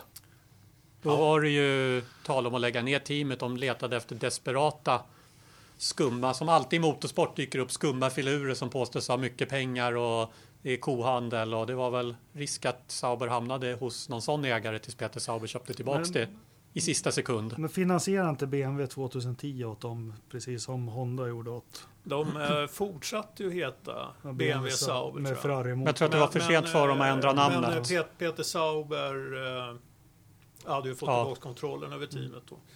Eh, jag, jag kan tycka att det var lite, när man, när man tittar på en sån där, jag kommer ihåg hur det var då. Och när man såg eh, de här säsongerna så tyckte man att eh, fasen var, eh, vad trögt det går för BMW. De, de liksom, tanken var ju att vinna VM och så vidare. Va? Men så man kollar på resultaten så här i efterhand, alltså, det är rätt imponerande ändå. Det de gjorde med, med Sauber som plattform. Eh, det här teamet, lilla teamet i Schweiz. Alltså. De kom ju tvåa i konstruktörs-VM där. Något av de där åren. Två och fyra blev de väl tror jag. Ja, 08 med det, alltså, ja, som sagt, jag, jag tycker om det, det gamla förgångna. Men 08 tyckte de klantade bort VM. De slutade utveckla bilen egentligen efter de vann i Kanada. Jag kommer ihåg att Kubica, han var ju inte nöjd alls med det. Eh, de satsade ju alla, alla ägg i 2009-korgen då, men de, skulle nog kunna vunnit VM då om de skulle fortsätta utveckla den bilen de hade. För då var det ju Massa och Hamilton, det var ingen av dem som ville egentligen ta VM-titeln det året. Så. Den, den enda förklaringen jag kan komma fram till det är att de ville inte lägga de pengarna. Mm. Men det var ju den här tiden när egentligen tycker jag en av de bättre tiderna i Formel 1. Det var, för då var det ju massor med biltillverkare involverade. Det var ett starkt startfält. I stort sett varenda förare på griden hade ju platsen mer av merit än av sponsorsportfölj. Och biltillverkarna använde det som sin lekstuga, vilket alltid är en risk för sen hoppade de av en efter en. Men det var en intressant tid. Men Absolut. att det är lätt att säga att BMW Sauber misslyckades då, men det var ju för att förväntningen var ju, vi räknade med att varenda biltillverkare som ägde team i Formel 1 skulle vinna. Toyota gjorde egentligen bra också, men vi räknade med att Toyota skulle dominera i Formel 1. Och de var ju inte i när, de vann ju inte. Och det var tal om utbytarserier och... Ja, och sen kom allt på sin spets och så skulle tillverkarna starta en egen serie och så några veckor senare så lämnar tre av dem Formel 1 helt och hållet istället. Och Max Mosley går på, skum, kommer, går på skumma nattklubbar och allt vad det är. Så Men att, var, eh, var det 08 när Honda lyckades få stryka av Super Aguri? ja, ja, något av de där åren. Ja, Ja, den bilen det var talar inte också, snabb. nej, det talar också för, för Honda nu i år. Då. Ja. Ja, Robert Kubica kom Ja. vi in på också. Ja. Kommer han och... Ja, det var de? det året när Lewis körde in i Kimi va, som, Ja. som han vann. Ja. Just det. Eh, och eh, alltså, om jag bara får säga min mening om Kubica så han var Det ju... får du. Vad bra, tack. Mm, jag har egen mikrofon här. Kan du vara tyst Ola? eh, jag tror inte han kommer köra eh, ett Formel 1-lopp igen. Alltså när man såg de här ombordbilderna med hans handarm där som hängde och slängde liksom. Nej, jag är mycket tveksam.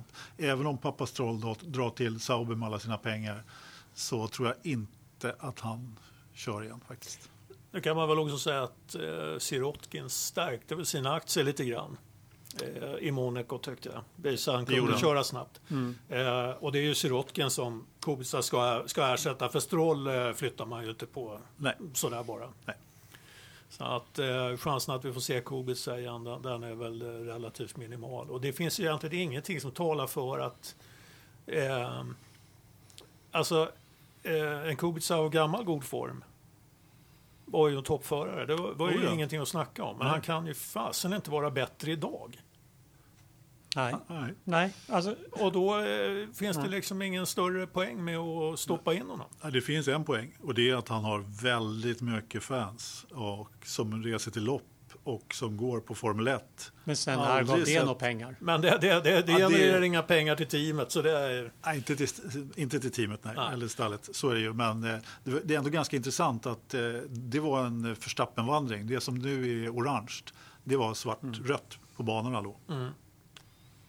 Ja, han var ju enormt populär Ja. på hemmaplan. Ja, och han var populär i andra läger också. Ja, det faktiskt. var han också för Han är ju Absolut. så tråkig, hur kunde han vara det? Han är ju så tråkig. Ja, Ja, men det är lite Kimmy syndrom där. Vi har Nej, men så var ju- många förare som är eh, kör, försöker spela det spelet man ska göra. Så när det kommer sådana som Kim och Kubica som är helt tvärtom. Och som, det är inte så många som kan vara det, men Kim och Kubica är ju två förare som kan vägra uttala sig i media, buttra, säga nej, bara vilja köra racerbil. Lite den här gamla skolan, jag är bara här för att köra racerbil. Jag vill inte bry mig om att vara trevlig mot sponsorer eller kommersiell eller någonting.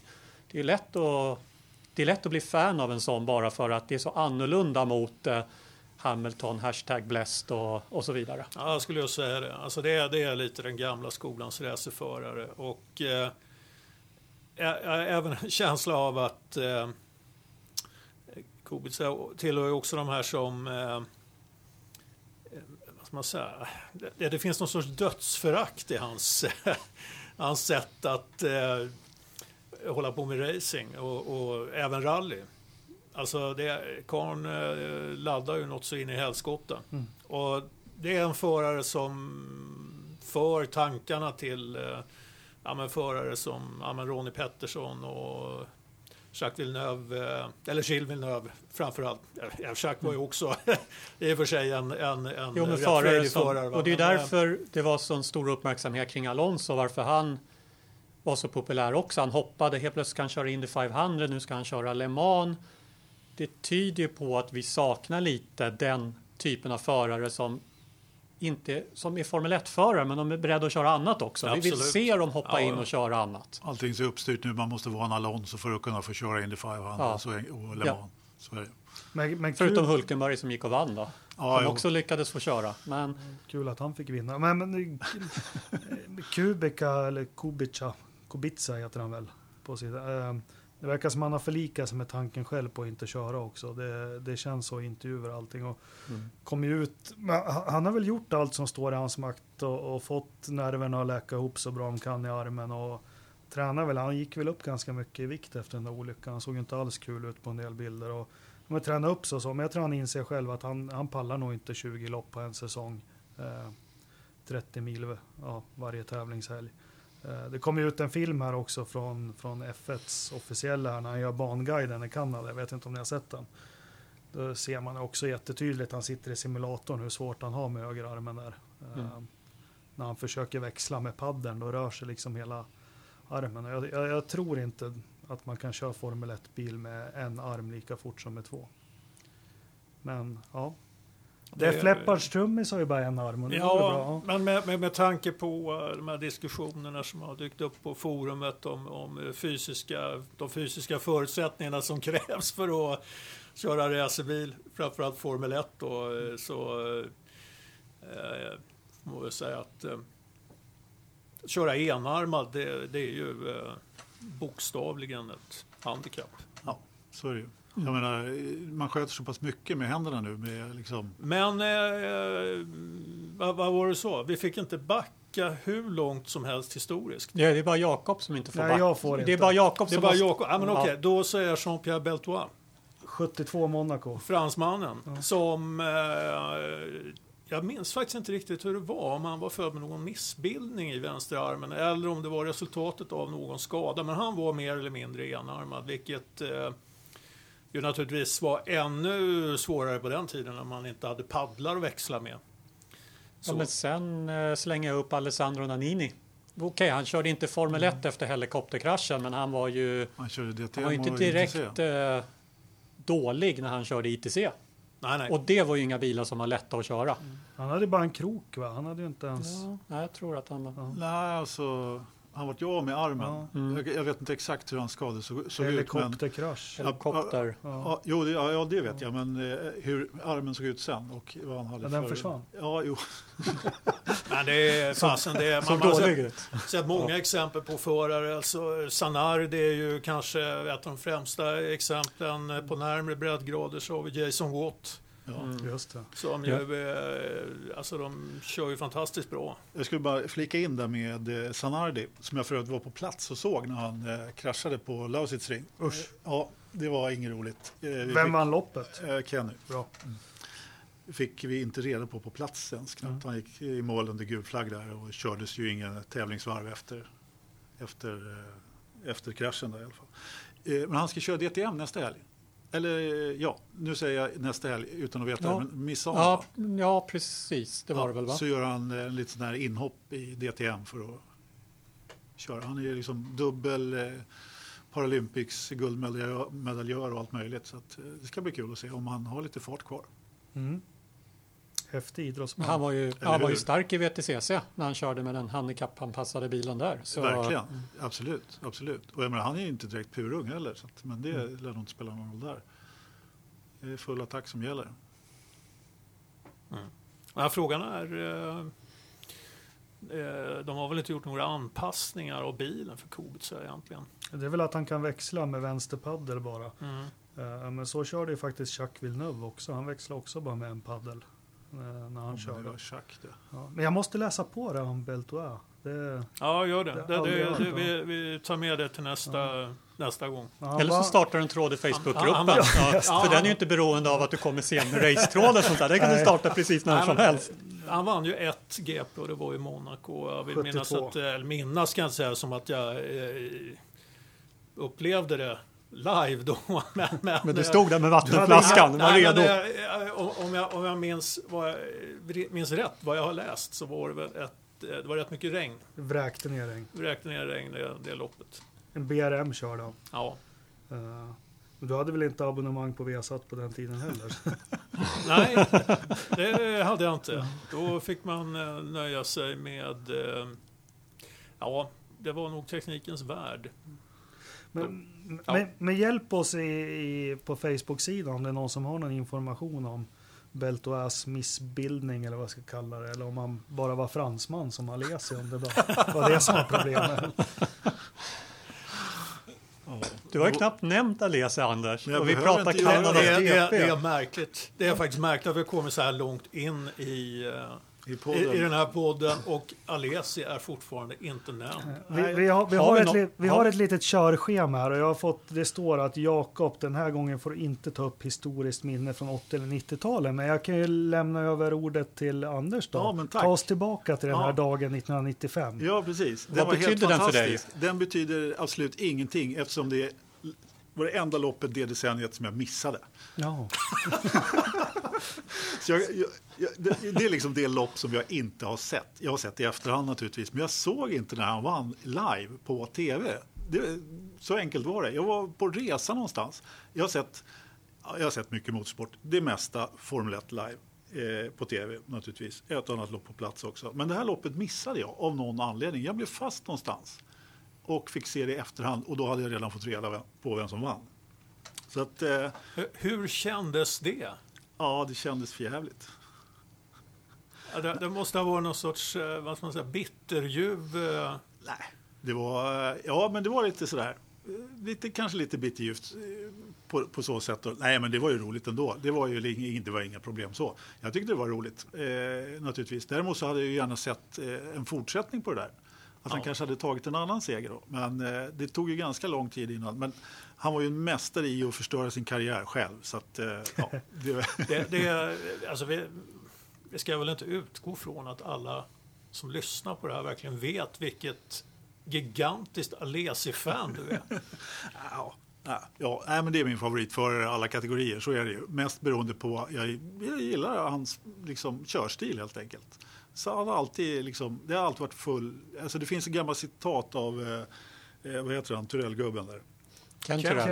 Eh, nej, Postelwhite. Postelwhite. Ja, Postelwhite. Som att sa att nu, nu, nu är det lugnt. Eh, nu, nu tittar han åtminstone vart han kastar hjälmen när han kommer in i garaget. Liksom. Så han kastar den i alla fall inte på någon när han är förbannad och har brutit och så. så det säger lite grann om hans... Liksom... Jag tycker säga att den enda segern han väl lyckades ta i Formel 1, då kunde han inte ens köra bilen tillbaka till Park Fermé. Nej, ah, precis. Det, han fick ju skjuts det rakt utav, utav eh, Schumacher där, ja, precis. Men faktum är att mitt starkaste minne från Kanada överhuvudtaget, eh, jag då som inte är någon Raymond överhuvudtaget kommer inte ihåg vilket år det var, så du får hjälpa mig här Jakob. Men ja. Sauber när Alesi kom sexa och tog poäng. Vilket år kan det ha varit? 98 var det lite kaos. Ja, kan ha varit då. Mm. Eh, och publiken var helt vild på plats varpå Alesi, som man alltid gör, kastar hjälmen. Men den här gången upp i publiken. Just det. Och fick väldigt mycket skäll för det. För här radioutrustningen? Ja, allting satt kvar i hjälmen. Ja. Men han langade upp den på läktaren i alla fall. Så att, ja. Mm, det var inte 98, säger jag som sitter och fusksurfar här. 99 då? Ja, kan ha varit 99. Det var en av de sista säsongerna i eh, Sauber där.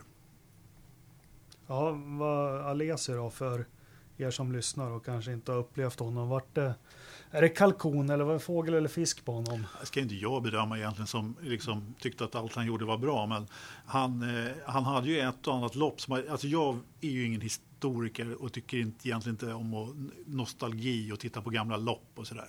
Så jag har ju egentligen inte sett om något av hans liksom, bättre lopp.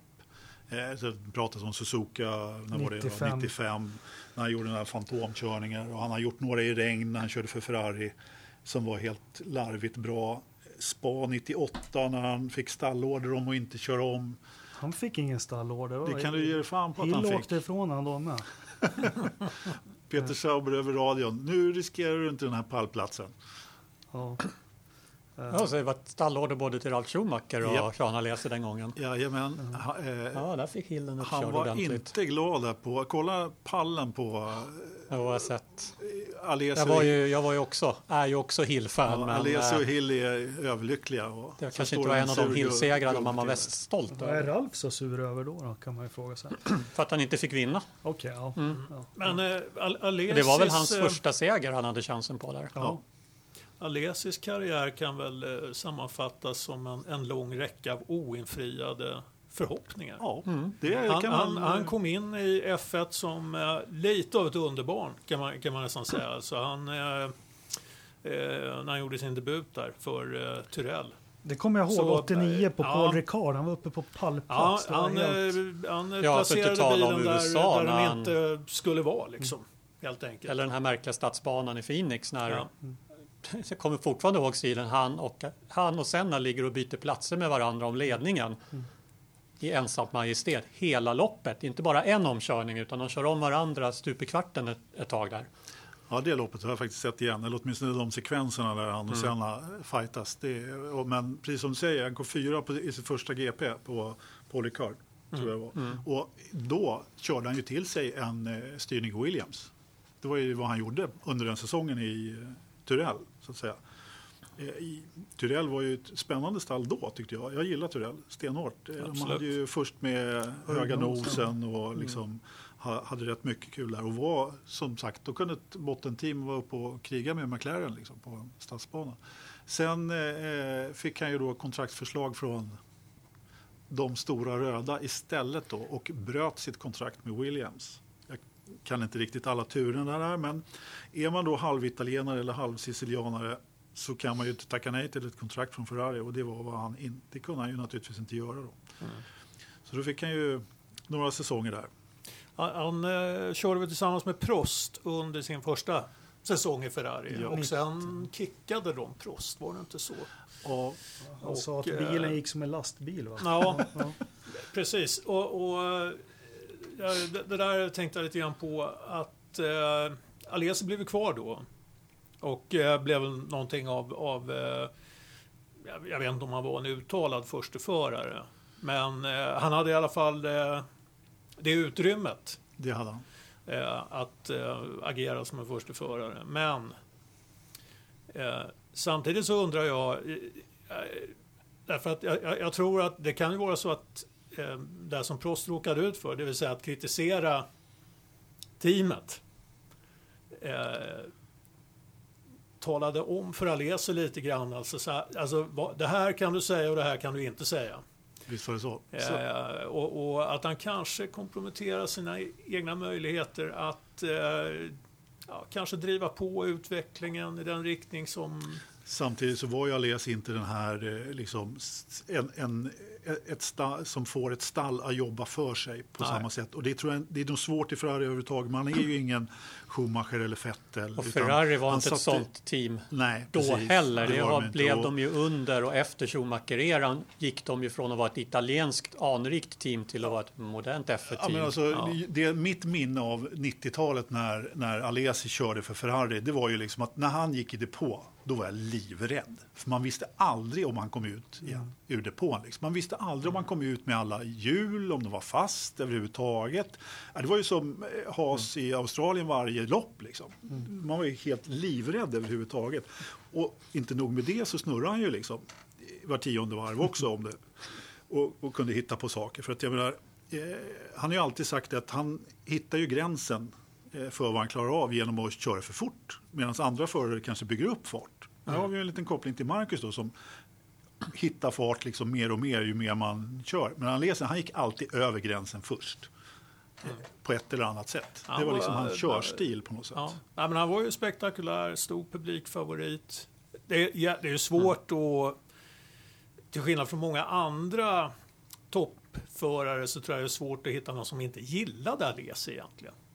Jaha. Jag tror alla gillade att se Ja, det är honom. klart Liksom, även om de inte höll på honom. Även om de hade en annan favoritförare så kunde man gilla Alesi. Och det berodde nog lite grann på att han inte utgjorde ett hot heller mot, eh, Så kan det vara. mot de här, eh, eh, vad ska man säga, de här killarna som hade förmågan att sätta ihop en hel säsong. Och sen så kör, han körde ju ändå med Berger eh, rätt många säsonger där. Och Ja. Jag tror att han har i stort sett Berger att tacka sin styrning i Sauber för. Jag tror att Ja, absolut. Det är Red Bull-kontakten där som Berger hade. Men Ja. Det var det som blev lite tragiskt med Alesen. Han höll på lite för länge. Ja, men det gjorde han ju. Ja, Och så bra. sista loppen Jordan, där, det Jordan. var ju inget roligt. Det var det inte. Däremot så, Det är väl tyvärr så med många förare. Eh, ja, Två av mina favoriter, Jacques Villeneuve och Damon Hill, höll ju också på för länge. Och det Ja. blev patetiskt av det till slut. ja. ja men det, så är det. Jag hade gärna sett att han lagt av eh, någon säsong. Men alltså, några år i Prost där var ju lite kul ändå. Liksom, när de kunde sticka upp och, och liksom, utmana lite grann.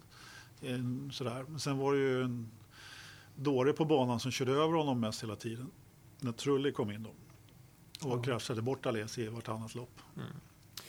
Jag tycker, eh, vi har diskuterat det här lite grann eh, vid sidan av förut. Då. Eller jag vet inte om vi diskuterar, jag tog upp det i alla fall.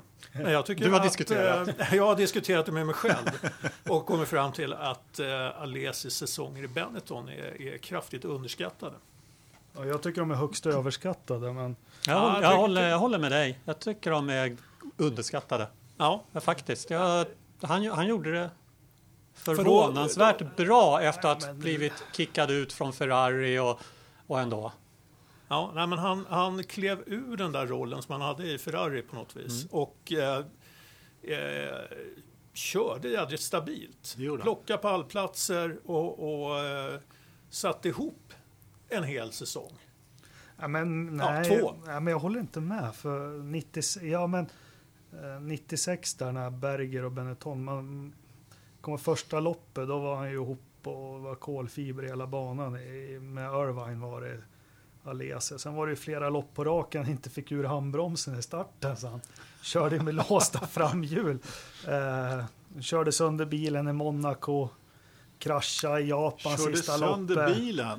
Ja, nej men eh, nej, jag håller inte Ja, med. Sen- Jakob måste bygga upp ett case här. Ja, då, får man ta men- får man ta i lite. För Nej, nej, ja, eller han, han bröt. Ja, men 96 var inte strålande på något vis. Jag kommer ihåg Briatore. 96 var ju ett sånt år där till och med Damon Hill kunde... Alltså Williams var så överlägsen så till och med Damon Hill gick och blev världsmästare. Det var ju ett år där satt du inte i den bilen så vann du inte. Jo, Så men där ser utif- man också man måste ju se utifrån det. Schumacher tog ju faktiskt tre segrar i en bil som var riktigt dålig. Men jag håller med dig, 97 då började han liksom rada upp lite pallplatser. Och han körde slut på lite soppa och sånt och, och fick bryta något lopp där också 97.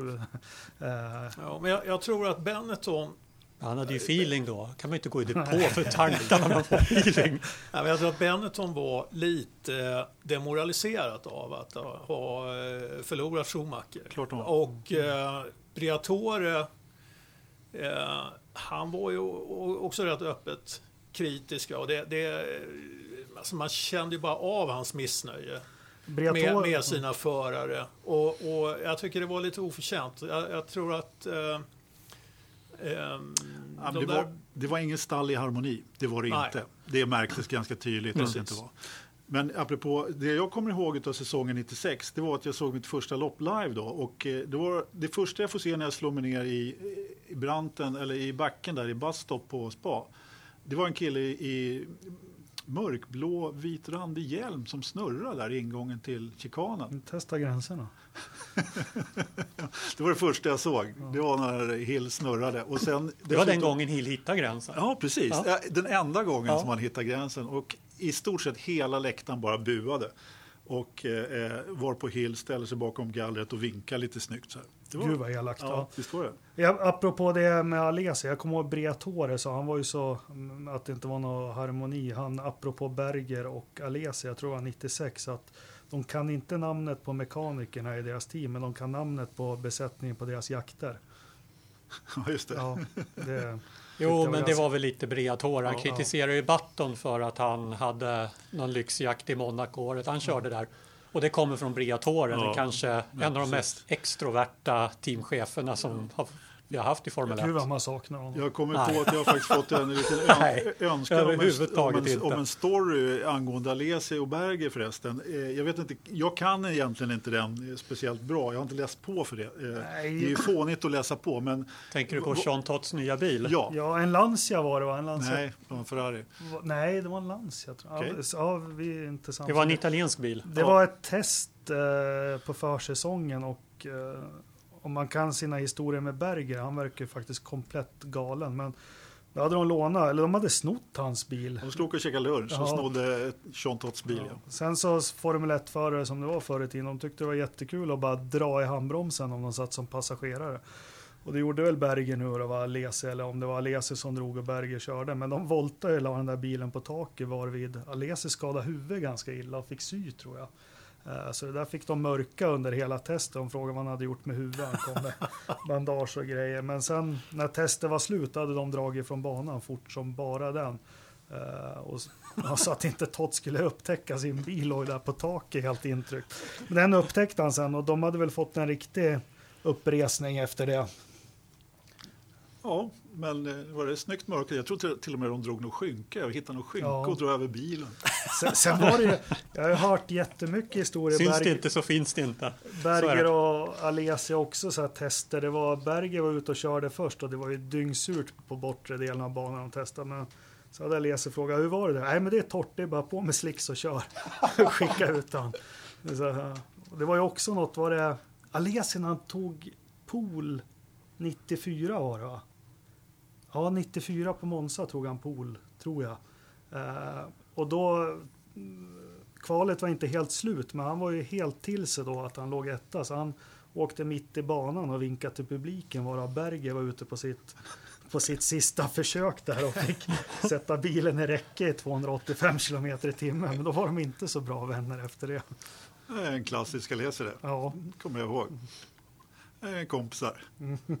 Man måste ju säkra pool. Ja, ja. exakt. Han var före sin tid kan man säga. Ja, precis. Sen kom Schumacher in och gjorde det ordentligt också. Ja. ja. Har vi snackat eh, klart om Malaysia nu tror jag? Va? Ja. ja. Vad kom vi fram till om Kanada då? Bra fråga. Ja, mm. Ingenting, vi gick in på sillusisen. Ja. Vi bara Men, konstatera att det står mellan Hamilton och Vettel för det är väl så det känns. Kanske anledningen till det är att eh, vi vet hur det kommer att gå. Jag skulle säga att det ja. står mellan Hamilton och Hamiltons ego, eller? Ja. Egentligen.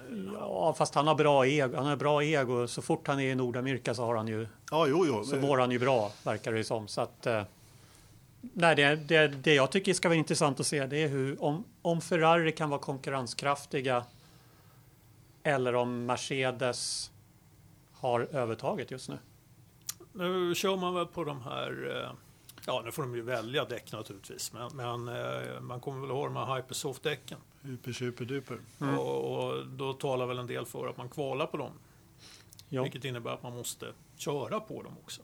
Och, och där är ju inte Mercedes, den, den har ju haft problem redan från eh, på försäsongstesterna. Ganska, testade ganska tuff mot, ja. eh, mot däcken. Ja, men ju mjukare däck ju sämre har det gått. Liksom. Ja, precis. Så eh, det kan ju Men tala Kanada för... är ju ingen bana eh, med högt däckslitage. Men eh, Ja, det var, visst, men vad vi såg i Monaco var ju att det var ju förutom Red Bull så var det ju inte något team som fick till det på de där hyper super duper däcken. Så att det, många kanske går tidigt i depå och så byter de och så är det en enstoppare. Jag tror inte man räknar med stint. safety car också. Tror inte man räknar med det i Kanada. För det är väl det. Ja men då vinner Bottas. Ja, de Det är hans chans. Ja. Ja, Alla går in tidigt utom Bottas som ligger kvar och harvar och väntar på att safety car-fönstret ska öppnas. Och så går han in i depå så men eh, vi kan väl räkna med att när Marcus har varit i depå, då blir det safety car. ja, ja. Då vet vi det. jajamän. men, eh, då vinner Marcus alltså inte i helgen. Ja, Visst fan. men visst, om Ferrari får till det. Ja, det jag kan känna är att eh, jag, jag får en sån här känsla av att Fettel har pikat i sin karriär. Jag är ensam om det. Nej, det gjorde han ju för länge, länge sedan. Ja, Ja, det är du nej. ensam om. Ja, jag, Nej, du- jag, du- jag, det var inte ens så. nej, jag håller med, Okej, jag håller med vi, fullt. vi vänder på det. Jag är ensam om att inte tycka det. Ja, Men han är Nej. ju, han är lite... Jag tycker inte heller det. Nej, men då är det 2-2. Då, Två, två. Ja, då Han är det Anders och jag som har rätt då. Ja, fast han har absolut pikat. Han är lite bättre än Bottas. Där, kan- ja, men, Jo, men eh, alltså det är någonting som känns... Eh, jag vet inte. Jag, jag, det känns inte som han är riktigt där i, år. Alltså, det, det är någonting, några signaler som kommer från honom som gör att jag känner att han inte... Eh, jag vet inte. Man är inte lika hungrig eller vad han det har kan fått vara en massa för någonting. Jag vet barn va, också. Och, Ja, ja, och- fått- Men det var väl Mark ja. Webber som sa att eh, Vettel gör allting tidigt. Han kommer in i F1 tidigt, han vinner tidigt, han blir världsmästare tidigt. Så han, han skaffar barn tidigt, han Ja. gifter sig tidigt, så han kommer att lägga av tidigt Han också. har ju gjort allting redan. Jag har en känsla av att han eh, kommer att få en andra peak.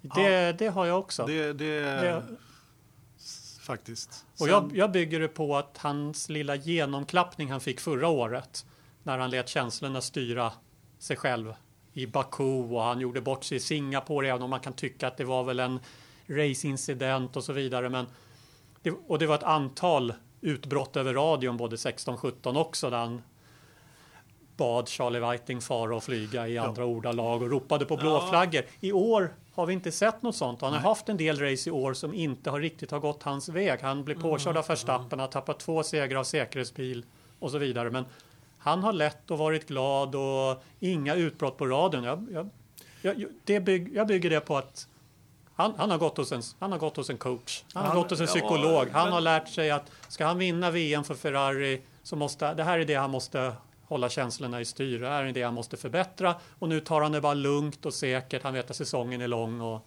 Jag känner lite grann att han är lite fat and happy alltså. Det, det, det är så väldigt bra att ha eh, Räikkönen i teamet. Va? Det, det, det säger han ju ofta, är perfekta teamkamraterna. Och han har ju liksom ingen som riktigt eh, pressar honom sådär. Räikkönen kan ju köra snabbt på Han har- enskilda varv och sådär. Det, det är ju inte det, men, men, men på en hel säsong så vet han ju att, att Räikkönen är inget hot. Nej, Men det som funkar, ju, hos Red Bull. det funkar ju om man, har, eh, om man har en bil som är, som är bäst på griden och det har han ju inte. Då, eh, liksom, nu har de ju konkurrens från Mercedes så jag, menar, jag tänker ju på liksom Schumacher, Irvine, Barrichello, liksom. Vem som helst. Liksom. Ja. Det, det funkar ju inte för Vettel. Han måste ju liksom leverera själv Mm. mot Mercedes. Annars så blir han ju inte världsmästare igen. Åtminstone inte som det ser ut just nu. Nej, och Men levererar han inte i år då? nej. Jo, Han hade ju... Australien fick han lite till skänks tack vare säkerhetsbil. Bahrain vann han och gjorde det jäkligt bra på väldigt, väldigt slitna gamla däck. Och Kina tappade han segern enbart för att säkerhetsbilen kom ut. Baku tappade han segern enbart för att säkerhetsbilen kom ut. Han Ja. hade ledat VM ganska bra. Ja, men det är för att han har den bästa bilen. Och att han inte klarar av att, att häng, hänga av... hänga Alltså, jag av tror, jag nu tror Jakob, nu- nu är det Jakob 3-1 lever mot i, Jakob. han lever i någon slags alternativ verklighet. Nej, men... Ja, eh, nej, men han hänger ju inte av Räikkönen i kvalen i år. Nej, det gör han inte Det på samma sätt. så han är, han är väldigt, han är proppmätt. Jag håller med dig. Han, nej men det är han väl. Och så han nöjd att få snacka lite italienska ibland och säga bravissimo, tutti. Grazie ragazzi, Ja, ragazzi, bella det- machina. Ja, det tycker han är... Ja, men han kanske, han kanske går och väntar på att få den där överlägsna bilen så att han slipper Ja, jag har haft jobba hela- så hela in i livet. helskotta hårt. Inte sen han gick till Ferrari. Sen han gick till Ferrari så har Mercedes tokdominerat Formel 1. Och det är väl först i år, eller var det först i fjol, som Ferrari började komma upp på en nivå där de i alla fall kunde utmana Mercedes. Japp. Innan dess har ju Mercedes lekt med Ja, motståndet. jag, och, jag är beredd att hålla med. Jag tyckte 14 var han bedrövlig. ja, Eh, 13 tycker jag också han var bedrövlig. när han vann VM. Ja. Eh, det var ju efter Pirelli gjorde om däcken. ja men Han var så dålig så han vann Ja, han vann ju de det, nio sista loppen då 2013 och det var ju det fusk. ganska bra. Pirelli gjorde ju om däcken efter, var det Storbritannien då? Eh, Ferrari var ju faktiskt, ja, 12 var han ju också bedrövlig. Eh, överlägset bästa bilen och Alonso tog det till sista, sista loppet tycker jag är bedrövligt. 10 och 11 var han väl okej. Måste jag få säga. Men 2015 trodde jag, tycker jag han gjorde det bra. Första säsongen i Ferrari att han knep tre segrar. Då var första gången han bevisade någonting för mig. Nu vart det Jag väldigt tycker, tyst. han, ja, det, ja. jag tycker han har haft en dålig säsong och det är 2014. Och det har han ju sagt själv. Jag var, jag- jag var inte bra. Jag var inte bra nog. Jag körde dåligt. Jag fick det inte att funka med nya motorn. Jag fick det inte att funka med de nya däcken. Hör, hörde vi, Ricciardo hör, gjorde hörde det vi mycket någonsin bättre. Schumacher eh, säga så efter en säsong? Nej, Nej. aldrig. Nej. Nej, så det finns en liten spricka i eh, fasaden. Där, Nej, nej, nej. Det är bara, det är bara en Ja, ödmjuk och en trevlig personlighet. Det är en styrka att kunna erkänna sina fel. Schumacher hade ju dessutom en fullkomligt överlägsen bil. Ja, men jag skulle säga att det är en styrka att du inte har några fel att erkänna. Det är, det är, det är styrka. Men, men kan vi Vi bara... pratar inte om mig nu. Jag pratar om Ternström. Kan vi bara ta tillbaka den lite? Jag ska försöka inte vara raljant, men eh, all respekt för Vettel, han har ju vunnit mycket lopp. Men 2010 vann han VM och det är jättestarkt att vara med där. Men där, där sjabblar ju både ja, Webber och Alonso bort det och deras team i, i sista loppet. 2011 vann han VM också. Webbers team som för övrigt var Vettels team. Ja, ja, absolut. 2011 vann han också VM och var jäkligt bra. Men där var det ju det här med, vad var det, motorerna, blowout, diffuser och grejer. Och de förbjöd det under ett lopp och då var Red Bull ingenstans, då vann Ferrari. Eh, 2012 hade han ju en superbra bil, eh, men då var det ju McLaren klanta bort det. Och att han inte hängde av Alonso mycket tidigare den säsongen, det kanske säger mer om Alonso. Och 2013 inledde han skake till Pirelli, bytte däcken mitt i säsongen. De gjorde ju någon förändring i det och då vann, ju, då vann han ju faktiskt varenda lopp därefter. Så Men det här kan man ju säga om, alltså, Ja, det här kan man säga om vilken världsmästarsäsong som helst som inte bygger på att man har en totalt överlägsen bil som Schumacher hade hos Ferrari och som Hamilton Rosberg hade hos Mercedes. Och en så överlägsen bil, Red Bull var fruktansvärt bra men så överlägsna var de inte riktigt. Så det här kan man ju säga om vilken bil som helst. Damon Hill, ja, han, Damon ju, Hill hade en av världens mest eh, turliga världsmästare i Nej, historien men- som hade en överlägsen bil utmanad av en klantig kanadensare som hade sin rookie-säsong. Han kunde inte vinna förrän i sista loppet. ja, Han borde aldrig fått superlicens. han bar den där bilen på rygg- ryggen till ett guld. Nej men ska vi, ja, men, ja, men nej, det är värdiga världsmästare. Du är alltid värdig om du vinner. Så är det bara. Absolut, Du är alltid så värdig om du vinner när allt kommer. Men, men jämför med Alonsos två titlar, det är ju jättelänge sedan. Men den 05, han satt ju absolut inte den bästa bilen 05. Och han hade en väldigt bra bil. Framförallt hade han ju väldigt speciella Michelin-däck. Eh, Ja men det hade, det hade Räikkönen också. Det, det som jag sa i en tidigare podd, liksom, Räikkönen hade en bil som han kunde vinna lopp i och det, det, det säger det mesta. 06 också så hade ju Alonso inte heller den snabbaste paketet. Då hade ju Ferrari kommit tillbaka och Bridgestone. Och jag ser inte den briljansen riktigt hos Vettel. Sen är han en jätteduktig chaufför. Ja, du är blind. Ja. Ska- Så är det. Ska, måste jag klippa bort den här tystnaden sen? Jag tycker, Nej, jag tycker den var rätt tyst- talande. Jag tycker tystnaden är talande. Ja, ja, då låter vi det här vara kvar. Ja. Men hur, Är vi, eh, eh, jag ska bara fråga Jakob en sak. Eh, när var William senast på pallen? Eh, överhuvudtaget. Ja, Baku förra året. ja men jag tänkte Kanada. Oj. Ralf vann 2001. Ja, Har du någon rysare där eller? Bottas. Jaha. Bottas har alltid varit bra i Ja, han är Kanada. alltid med på pallen. och Med. 2015 va? 2015, ja. Bottas har alltid varit bra i Kanada. Ja, men det var precis vad som var min poäng eftersom det är eh, Jakobs favoritförare så har ju Bottas faktiskt levererat hyfsade lopp i Kanada. Ja, levererar. Han kommer dit och sätter sig i bilen och kör. Det är leverans. Ja, Nej. men det, det, ibland så är det ju så. Kanada, det, det är ett GP som ibland gynnar de här förarna som inte är de absolut snabbaste och som kör så in i helskotta på gränsen. För de kommer i mål. Och det är ibland vad man behöver göra för att hamna på pallen i Kanada. Ja, men det ska bli kul. Det är som sagt, vi, för en och en halv timme sedan var vi när vi inledde det här. Det är en rolig bana.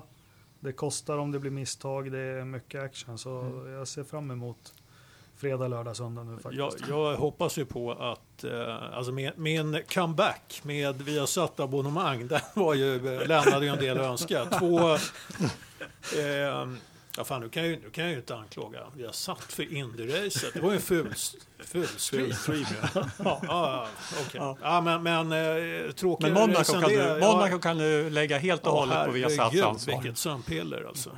Men eh, där, det, där får jag faktiskt säga att det var en jävla stor prestation att hålla sig vaken. Förresten. Fram till eh, 2001, Ja. Kanadas GP, så hade jag inte missat en enda tävling som har sänts live i tv. Ett enda F1-race. Ja, bra jobbat. Eh, och, Från när eh, F1 startade. så- och- och- 1950. Nej. ja, men nu, eh, nu eh, direkt sändes inte så många sådana tävlingar. Ja, jag har ju missat eh, Kanada 95 då, sen 78 eller vad det var. Ja. Ja. Men, eh, och då kommer jag ihåg, då skulle vi samlas eh, hela Forza-gänget på O'Learys Okej. Eh, och kolla på det där. Men eh, Men du gick vilse. nej, ja det kan man ju säga. Jag gick vilse på Danderyds BB för då eh, Det var eh, nämligen eh, en god anledning att missa det racet när min första dotter föddes. Fast det, det är ju lite, jag och Anders har ju pratat om det. Min son föddes under racehelgen helgen 2008 faktiskt. Och du har väl också någon avkomma där? Ja, fredag, ja, fredagen den 13. Jaha, ja men då var det torsdag min son föddes. Ja. ja, så kanske Så på. Men, fredagen men sen, det där fredag. att de ska ploppa ut på, eh, på en racedag. Jaha. Ja, nej, Det, det är ganska märkligt. ja. Ja, Men, jag håller med. Ja. Men nu, eh, nu eh, ploppade ju Malva ut så pass fort så jag hade faktiskt hunnit till O'Learys. Du Det var, det var med en halvtimmes marginal till starten. Alltså, jag kommer inte ihåg det här. Vil- Vilket år sa du att det var? 2001. 2001. 2001. Och jag kommer ihåg att jag ringde. Och det kan ha varit till dig jag ringde Ja, också. det kan det säkert ha varit. Att, Jag försöker eh, febrilt komma ihåg det här ja. faktiskt. Men eh, vi var ju ett stort gäng som såg lopp där. Ja, Vissa, precis, och kvällsloppen var ju precis. rätt eh, bra naturligtvis. Ja. Eh, och jag tror att jag hade sagt någonting om att jag, att jag nog skulle komma. För det här, det här kom väldigt plötsligt också. Så, att, eh, Ja, just det. så jag kände väl att jag var tvungen att höra av mig där. Ja men unga lyssnare som planerar att bilda familj, planera. Ja, precis. Så. Ja, Off-season. alltså, det, det är ju väldigt svårt att eh, planera en födsel på, på en vecka när så. Men, men man kan ju faktiskt förlägga det till Ja. off-season. Ja. Precis. Det, det, är- Man har ett fönster december, Ja. januari, februari. Ja. Perfekt. ja. Det borde ju funka liksom. Tre månader. Det, det är ren och skär planering bara. Ja, ja. Bra. Ja. Har vi något mer? Eh, veckans Verstappen, har vi någon sån den här veckan? Ja, Marquez. Marquez kastade ut. Ja, det, det är en del som pratar om bågar Ja, på Facebook-sidan. Och Ja. Helt klart Marquez.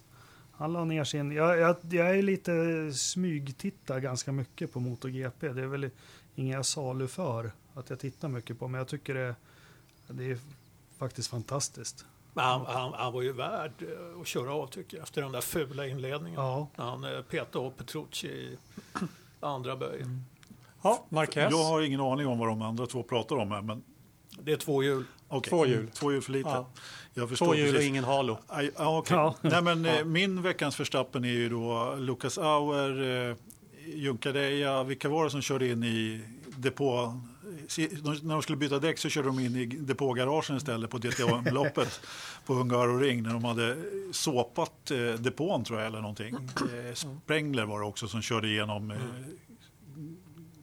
vet det, verktygslådan som stod där. Och det var någon slow motion bild på när de skruvade tillbaka foten där. Såg jävligt otäckt ut. Ja, men det var otäckt. Det var ju en, eh, framförallt inte depåpersonal utan en funktionär som eh, blev rätt påkörd. Ja. Liksom bilder inifrån någon Usch. Där. Ja, det var inget vidare det är inget faktiskt. roligt. Nej, det var det inte definitivt. Eh, Så. Min, min eh, förstappen, det är ju den här stackars eh, utvecklingschefen på Chevrolet som eh, satte, satte eh, säkerhetsbilen i, i, eh, i muren i, eh, vad var det, Detroit? Nej, vad fan Jo, var det? Detroit. Det var Detroit. Ja, Men vilket just skönt ställe han hade innan. det. Ja, Ja, ja. det- men eh, fan, det, där, eh, men det är, det alltså sådana där saker kan ju hända och så händer just vid ett sånt tillfälle så, eh, ja, Ja. effekten blir ju lite rätt, lite lätt jobbig. Han gjorde som man läste, han skulle bara testa gränsen. Han utvecklingschef. Ja. Då, kan man inte, då kan man inte ligga och såsa. visst. Nej, som jag förstod det så var det lite lätt krön där. Och,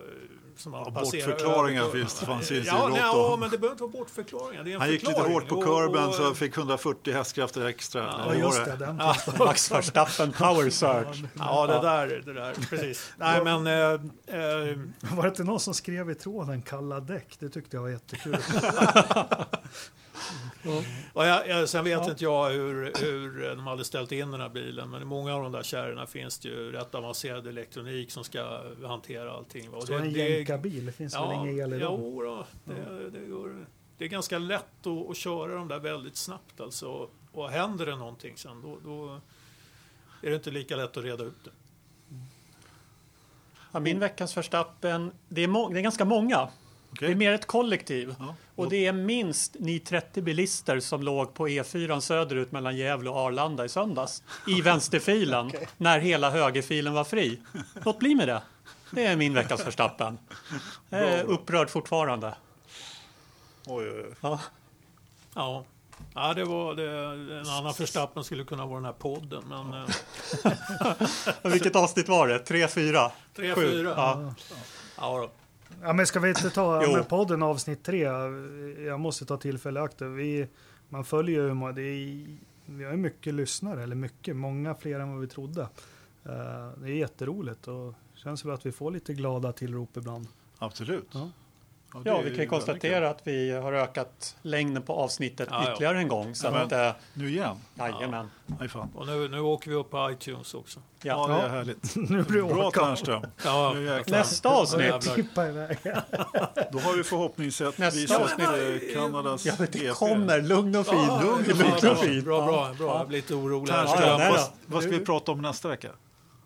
Nästa vecka, då ska vi eh, prata om Kanadas GP igen, fast i backspegeln. Aha, Och och sen, sen ska vi prata lite grann, eh, får väl snacka upp... Eh, Vi ska prata om en, Anderstorp. En, en racingbegivenhet i Sverige, Anderstorp, STCC på Anderstorp med Carrera Cup och V8 Thundercars och eh, Ginetta, Swedish GT och spännande. Det blir massa kul. klasser. Och Jakob ska prata om dåtidens F1 på Anderstorp. Ja, men vi har ju fått in en massa, faktiskt, nu, nu har jag tyvärr inte namnen, men flera stycken som har minnen som har varit på, på Anderstorp Mm. när det kördes Formel 1 där.